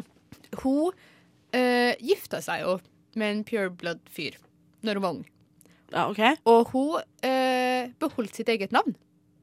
Det er kult. Og det navnet er navnet til en uh, gomp. Fordi oh. McGonagall er half-blood. Hvor, hvor har du lest dette? er dette sånn som plass. står ja for, Sikkert og sånn Pottermore eller noe sånt. ja, for det kan vi jo si med en gang, er jo at det er veldig mye bakgrunnsinformasjon Altså den bakgrunnsinformasjonen som ikke kommer frem i bøkene, men som JK Rowling satt på. For når du skriver bøker, så bygger du jo karakterer veldig fra bunn, og så er det begrensa hva du får med i bøkene. Mhm. Men mye av denne ekstrainformasjonen ligger jo på nettsiden Pottermore, som er en sånn Harry Potter-portal Mm. som blant annet er skrevet av JK Rowling. Eh, som også det er den siden eh, hvor du blir plassert inn i hus og får deg egen tryllestav og Petronas Patronus og litt sånn. Ah, min patronus ble en slange. Og så ble jeg bare sånn Unnskyld meg, vet du ingenting om meg, Pottermore? Min, min Patronus Jeg ble jo kjempeirritert. Min Patronus er en hest. Så tenkte jeg herregud, det er jo skikkelig døll. Og så googlet jeg litt, og så fant jeg ut at eh, Patronusen til Ginny Weasley, det er også en hest. Oi, oi, oi. Eh, og det kom visst fra gammel eh, keltisk eh, mytologi. At hesten var liksom en lykkebringer og en kriger. Og, eh, og rytteren på hesten var ofte da en rødhåret kvinne. Eh, sånn at det var litt kult likevel. Ja. Men jeg ble skikkelig sur til å begynne med. Altså. Du, OK, jeg kom på en ting til. Som vi ikke har snakka om. Vi kan velge å bare klippe det ut, altså. Men nå sitter vi her, fordi det er koselig. Du bare blir her litt til. Det er ikke sikkert du får komme deg på trening i dag, Robin. Å, huff! Det var leit! Ja, sant. Men hallo, vi har jo ikke snakka om Voldemort. Nei. I det hele tatt. Og det er ikke at vi trenger å snakke så jækla mye om han, men jeg føler han er såpass viktig at han bør kanskje prates bitte litt om. Fordi greia med Voldemort er jo at uh, tidligere known as Tom Riddle Han er jo født av en uh, magisk mor, eh, gompefar. Eh, mora er jo fra den veldig gamle slekta som til slutt går helt opp til liksom Salazar Slytherin. Det er jo hele greia med toeren at han kan åpne mysteriekammer og sånn. Stemmer. Men mora eh, fordi Grunnen til at jeg tar opp det her, er bare den der bakstorien der. For det er en ganske krise, egentlig. Fordi mora forgifter jo skulle jeg si, faren, altså gompen, med en love potion. Og det her er noe hun gjør eh, over såpass lang tid at han blir skulle til å si forelska i hermetegn, for han blir jo egentlig ikke det, men han blir forelska pga. den love potion. Eh, de gifter seg, de blir gravid, og først når eh, Voldemort skulle til å si, er på vei til å bli født, så tar hun mora av love potionen, skulle jeg si. Ja, for hun tenker at nå, nå er det ekte. Ja, nå er det ekte, fordi vi har et barn, så da kommer han jo selvfølgelig ikke til å forlate meg. Og så gjør han jo obviously det, fordi han våkner opp fra ei tåke og innser at plutselig har jeg ei kone, et barn, hva søren har skjedd? Du er gal. Mhm. og, og han er ikke magisk engang, så han skjønner jo ikke at det er en love potion. Han blir jo bare superforvirra, ikke sant. Og så øh, Grunnen til at jeg egentlig bare vil ta det opp, er at fordi at det er egentlig voldtekt. Det er så vanvittig overgrep, det. Ja. Eh, altså, en ting er liksom voldtekt, at hun ligger med ham og blir gravid, en, da, men hun stjeler jo mange år av livet hans, og manipulerer ham og forgriper seg på ham både mentalt og fysisk, liksom. Det er jo helt grusomt, og det er jo ikke det er jo ikke rart at Voldemort blir et produkt av det, på en måte. Nei. Han finner jo tidlig ut av historien til foreldra sine. Altså ikke tidlig i alder, men tidlig i hans storyline. Mm. Det er på en måte litt av det som starter hele den indre konflikten hos Voldemort. Ja, fordi han har en sånn idé om at faren er så flott person, og ditt og datt og datt, og så blir Mm. alt det knust, og han finner ut at faren er en gomp, og derf, det er jo litt av grunnen til at han hater alle gomper også, fordi Ikke sant? Fordi faren forlot moren, og hun døde vel av det. Ja, hun, han, altså, når Voldemort ble født, skulle jeg si, så døde jo mora. Jeg husker ikke hva det heter. Altså, Altså, hun døde under fødsel, på en ja, måte. ikke sant. Ja. Mm. Men ja, så jeg føler bare det er sånn viktig perspektiv å ha med seg. Og så føler jeg at man må jo være forsiktig med å si at det er det som gjør at Voldemort er ond. Fordi det går ikke. Det er helt krise, liksom. Men jeg føler det er jo et poeng at for han da, å finne ut av den historien Mm. uten å ha noe som helst form for støttesystem rundt seg. For han ble jo dumpa på en institusjon, og ikke si at alle institusjoner er gale, men den han var på, var ikke så veldig bra. Ja, og så Og- ja, Unnskyld. ja, nei, det går fint. Og det gjorde jo da på en måte at han bygde opp det hatet. Fordi det var ingen der, som sånn i motsetning til Har- Harry, da, som iallfall hadde den der Dudley-gjengen og hadde vært litt med morse og sånn, sånn som vi var innom tidligere. Ja, Om ikke annet så fikk han i hvert fall, da han fylte 11, så fikk han jo Wiltersen-familien. Ja. Og det, for det er jo veldig à la det intervjuet jeg hørte tidligere i dag, som jeg også snakket om, dette med eh, morsfigurer og det, at Harry får en morsfigur. Men også at JK Rowling så på forskninga rundt barn som mangler morsfigurer. For her har hun liksom to, en protagonist og en antagonist, som begge er foreldreløse. Og hun har jo da valgt å gi Harry en familie rundt seg. Mm. Mens Voldemort er jo institusjonalisert og blir aldri tatt veldig godt vare på. Eh, og det forskningsmessig så er det bevist at foreldreløse barn som er institusjonalisert og potato. eh, som blir sendt til institusjoner, eh, som mangler foreldre, som mangler omtanke og mangler eh, disse bånda som man knytter. Hjernen deres blir utviklet annerledes. De mangler ulike etiske koblinger, sånn at du kan faktisk liksom ta et sånt her medisinsk hjernebilde av dem. Jeg vet ikke hva det Ja, heter. det- det- det- Men sånn hvor du måler hjerneaktivitet og whatnot, og se en fysisk forskjell Ja. på barn som er vokst opp med og uten foreldre. Ja. Uh, og jeg tror det Altså, jeg tror det er litt det hun prøver J.K. Rowling altså prøver å reflektere i Voldemort sin karakter. Mm. At han mangler den empatien, han mangler den sosiale forståelsen, han mangler den tilhørighetsfølelsen og sympatien man kan ha med andre mennesker. Mm. Jeg bare synes det er litt sånn interessant å ta med det perspektivet også. For det er jo greit nok at vi snakker om egentlig Harry Potter, om det er feministisk eller ikke. Men Mm. eh, sånn som vi snakka litt om før vi gikk på lufta, si, så er jo sånn feminisme Sånn som vi leste, betyr jo basically om noen er undertrykt.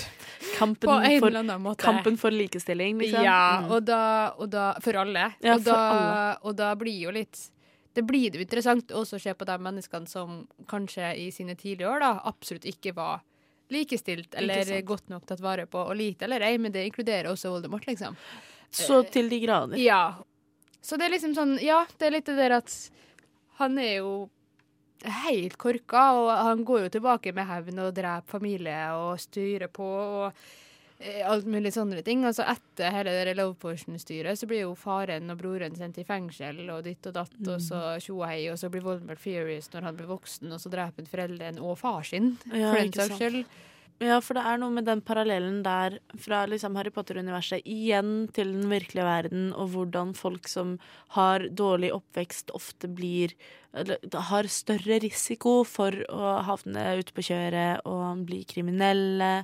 Eh, altså ofte så Kultledere har ofte traumatiske oppvekster. Mm. Eh, seriemordere har ofte traumatiske oppvekster. Altså alle disse som har samme handlingsmønster som Voldemort blir beskrevet å ha. Ja. De som har det i den virkelige verden, kommer ofte fra samme forhold Voldemort kommer fra. Mm. Eh, sånn at det er en realisme i det. Ja, og så føler jeg liksom litt det det viser, da, er jo kanskje nettopp det at man skal være Ja, man skal liksom OK, vi må jo også være forsiktige med å si at alle som på en måte eksempel har vokst opp i institusjon, ender opp sånn. For det er jo ikke det, er jo ikke det vi gjør i det, hele tatt, på en måte. Men, risikoen er større. Ja, og bare det at sånn øh, Å vise det at skulle til å si, Selv Voldemort kunne ha vært redda, da. Skjønner du? Det er sånn der, Det er altså det er sånn Det er ikke Jeg føler at noe av det det kanskje også gjør, å vise at det her er ikke en gitt liksom condition, på en måte. Altså det er ikke en gitt ting at Voldemort er ond. Ja, og Voldem- Voldemort ja. er ung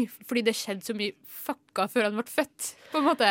Og den- etter, da. Men ja. Ja, ja, men det er jo den her litt overhengende tanken om altså, Som man må minne seg selv på, at det er ingen som er født onde. Ja.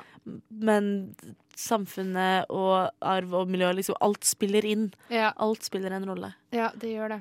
Mm. Det gjør det, og det er litt sånn, det er jo samme til det med sånn blood purity og sånn. Og det er sånn Draco er jo heller ikke født ung, sant? Også, Født ung er han, men ikke født ond. Ond. jo, jo, men sant, han er jo heller ikke født ond. Han blir tvunget til å gjøre onde ting. Og så er det jo greit nok at han ikke tok det til seg så mye som en del andre mennesker har gjort. Sånn, for Mm. eksempel så har de jo Altså, Bellatrix er jo søskenbarnet til Sirius Black, liksom. Så de er jo begge to Jeg skulle ikke si begge to er svart, det er helt feil. Men de, er, de slekter på hverandre og har på en måte samme utgangspunkt. Ja, så at du kan jo ha alternativer, Mm. men det er jo avhengig av at du som for eksempel Sirius da, har et alternativ.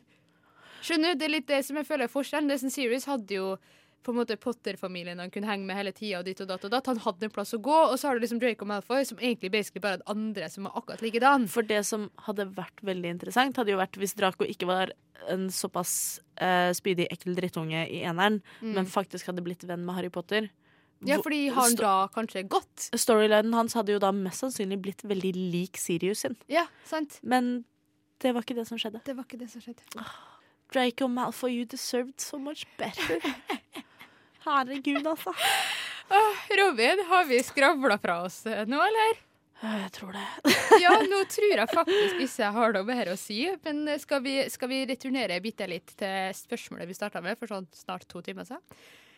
Er Ja, Harry Potter feministisk? Nå satt jeg og var sånn, hva var det Hva var det vi lurte på igjen? Men er Harry Potter eh, feministisk? Jeg sier fortsatt ja. Jeg sier også fortsatt ja, eh, men også som vi så vidt liksom var innpå før vi måtte avslutte sendinga i stad, så er det altså Harry Potter-serien er et produkt av sine omgivelser. Både Mm. det at For det første så er det skrevet på sent 90-tall. Det begynte i Første boka kom ut i 96. Jeg tror det første kanskje i sånn limited edition eller sånn i 96. 96-97. Ja. Uh, og så har de kommet ut etter det. Jeg husker ikke når den siste boka kom ut. Jeg vet at femmeren kom ut i 2003, og så var det sekseren og syveren. Så de ga seg jo før 2010 cirka. Ja. Jeg tror siste kom ut i 2008. Altså Siste filmen kom ut i 2012 eller 2013 iallfall. Ja, noe sånt. Ja. Men uansett så er det jo Det er jo allerede nå en liten stund siden de kom ut. Mm. Uh, for ikke å snakke om at er skre altså, de er skrevet av en hvit heterofil cis-kvinne. Mm. Eh, det skal nevnes at da første boka ble skrevet, så var J.K. Rowling veldig, veldig fattig. Eh, og det kan også speile seg i hvordan hun prioriterer urettferdighet. Men eh, utover det, da, så Det er en feministisk serie, og den gir veldig mye representasjon, gitt utgangspunktet den har. Mm. Eh, og det er kanskje nesten til og med litt urimelig å forvente at alt skal bli representert, men det hadde vært litt kult om det var litt mer rasemangfold, litt mer seksualitetsmangfold og kjønnsmangfold. Ja. ja, altså jeg tenker det er definitivt altså, feministisk. Og det tror jeg mest bare fordi at når jeg leser det, så ser jeg feministiske kvinner. Det er, liksom, altså, så det er ikke sikkert de identifiserer seg sjøl som feminist, og sånne ting, men de gjør en del ting som på en måte styrker min tro da, på at kvinner kan, på en måte, og damer kan. Og jeg tror litt Mm. derfor så er jeg bare sånn Ja, det er faktisk feministisk, men så tenker jeg helt enig med deg det at det er selvfølgelig en del ting som kunne vært enda bedre representert, og det er sikkert en del ting som iallfall i filmene kunne vært gjort mer eksplisitt, sånn at det ble tydeligere. Mm. Um, men det vekker ganske mange ideer og ganske mange sånn Du har liksom konsepter da, som f.eks. undertrykking, som blir representert på ganske mange forskjellige måter av ganske mange forskjellige karakterer. Sånn at sånn det som konsept blir på en måte framstilt ganske nyansert da, og variert. Og det gjør jo at det er litt lettere å kanskje få et helhetlig bilde av at f.eks. en sånn ting som undertrykking kan skape ganske mange problemer, men på ulik måte for ulike mennesker. Ja, for jeg tror heller enn å stille spørsmålet er Harry Potter feministisk, sånn For svaret blir på en måte selvsagt ja. Så kan man vinkle det og være litt sånn ville det, altså Er det skadelig for et barn å lese Harry Potter? Sitter de igjen med et negativt verdensbilde eller positivt verdensbilde? Sitter de igjen og tenker at damer er kjipe og uh, det å være homo er skikkelig teit? Eller sitter de igjen med et forbedra verdensbilde eller en, en positiv verdensforståelse? Og det vil jeg jo si at de gjør, da. Ja, jeg At- vil si at de gjør det. Jeg tror definitivt at kids som leser Harry Potter, kommer godt ut av det. Ja, det tror jeg òg. Så tror jeg det er bare noe med det at Harry Potter er veldig flink til å vise den der Altså å holde balansen mellom verden er kjip, ting er dritt, Voldemort er her, blæ. Men også sånn Vi kan gjøre ting. Ja.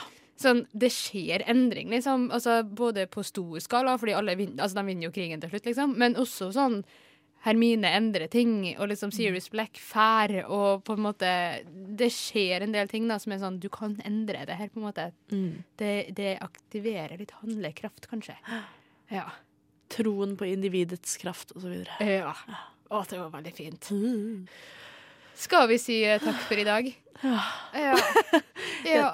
Ja, det Jeg eh, d- d- er jo veldig glad for at vi hadde denne sendinga. Eh, For det første fordi vi har jo prata mye om det helt siden vi bestemte oss for å ha det. Så har vi jo, den praten har jo gått hele tida. Vi har Mm. alltid hatt noe å snakke om. Mhm. Og for det andre også fordi jeg føler liksom at nå er, har jeg tømt meg litt. Mhm. Jeg føler at det er noe jeg må gjøre med Harry Potter med jevne mellomrom. Så må jeg liksom bare snakke veldig masse om Harry Potter, og så er jeg ferdig. Og nå er jeg liksom 25, og det, den trangen den dukker opp Ja. fortsatt. Så det Ja. gir seg ikke. ja, nei, jeg skal bare avslutte hvis jeg noen gang får kids, så skal jeg tvinge dem til å lese det her. Det, jeg skal, det jeg skal, tror jeg faktisk jeg skal stå for oss. ja, jeg skal i hvert fall lese høyt for dem, slik pappa gjorde for meg. Ja, det blir koselig. Ja. Og det Jeg ser det jo fortsatt eh, Jeg tror det var en måned siden eller noe sånt, hvor jeg så en kid Og det er det sjeldent du altså, du ser Men jeg så et barn som gikk ute på åpen gate og var så oppslukt av å lese at eh, hen gikk med liksom, boka åpen foran seg og gløttet så vidt opp for å liksom, passe på at man ikke krasjet inn i en lyktestolpe. type ting Som minner meg så veldig om da jeg var liten, før vi hadde telefoner og alt sånt. Eh, for å høres ut som en gammel, eh, gammel uh, kjerring. Men jo, nei, så denne, dette barnet gikk jo da med nesa dypt begravet i Harry Potter og Fangen fra Azkaban. Og det syns jeg er fint at selv i 2018 så er det fremdeles barn som går og er så fortapt i de bøkene at de omtrent ikke ser hvor de tråkker. Ja, for det er jo akkurat det som er liksom det kule her, da. Det, kan, det er jo litt på grunn av nye filmer og liksom Fantastic Beasts og Fantastisk, faktisk. Ja, men- Fabeldyr, kaller vi det nå. Fantastic men, Beast, og også at musikalen Cursed Child går Ja. i London. Og, Ja, så det har jo obviously skjedd ting som gjør at JK Rowling og Harry Potter fortsatt er hype, men jeg tror det har kommet til å liksom holdt seg ganske stabilt uansett. Jeg tror liksom 2018, om jeg ikke tar helt feil, er første året der noen solgte flere barnebøker enn JK i England. Det er helt vilt. Ja, og det er ganske lenge siden de bøkene slutta å komme ut, men frem til nå så har liksom Harry Potter vært det mestselgende i England, på en måte. Det er, det er goals, altså. Ja, det er goals. Innmari oh, goals. Du får ta, du får ta deg til deg. Ja, jeg har også lyst til å bli en verdenskjent forfatter en vakker dag. Jeg må bare skrive Harry Potter 2. Ja. Eller Det er det du må gjøre. åtte. Den reviderte versjonen. Ja, den hvor alle er Det er det eh, eid hvit cis-person. Ja, og, og de føler seg skikkelig utafor. Herregud. Der har vi det. Gud. Nei, nå tror jeg faktisk at vi må ta avslutt. Ja, jeg må hjem og skrive igjen. da. Ja. Å gud, nei, men ok, Vi kan jo gjette at det er nå Anne Marie og Robin som har vært her i dag. Mm. Hvis du hører på det her, så har du hørt på podkastversjonen, der vi egentlig bare har sittet og skravla. Har du, har du hørt helt hit, så er, er jeg mektig imponert. Og du får bare sende oss en melding, så kan vi ta en kaffe en dag og snakke om Harry Potter. Ja, enig. Vi er alltid med på mer Harry Potter hvis eh, noen har lyst. Ja. Tusen takk for i dag, og takk for at du hørte på. Du har hørt en podkast fra Et eget rom på Radio Nova. Vil du høre mer? Sjekk ut Et eget rom på Facebook, Instagram eller radionova.no.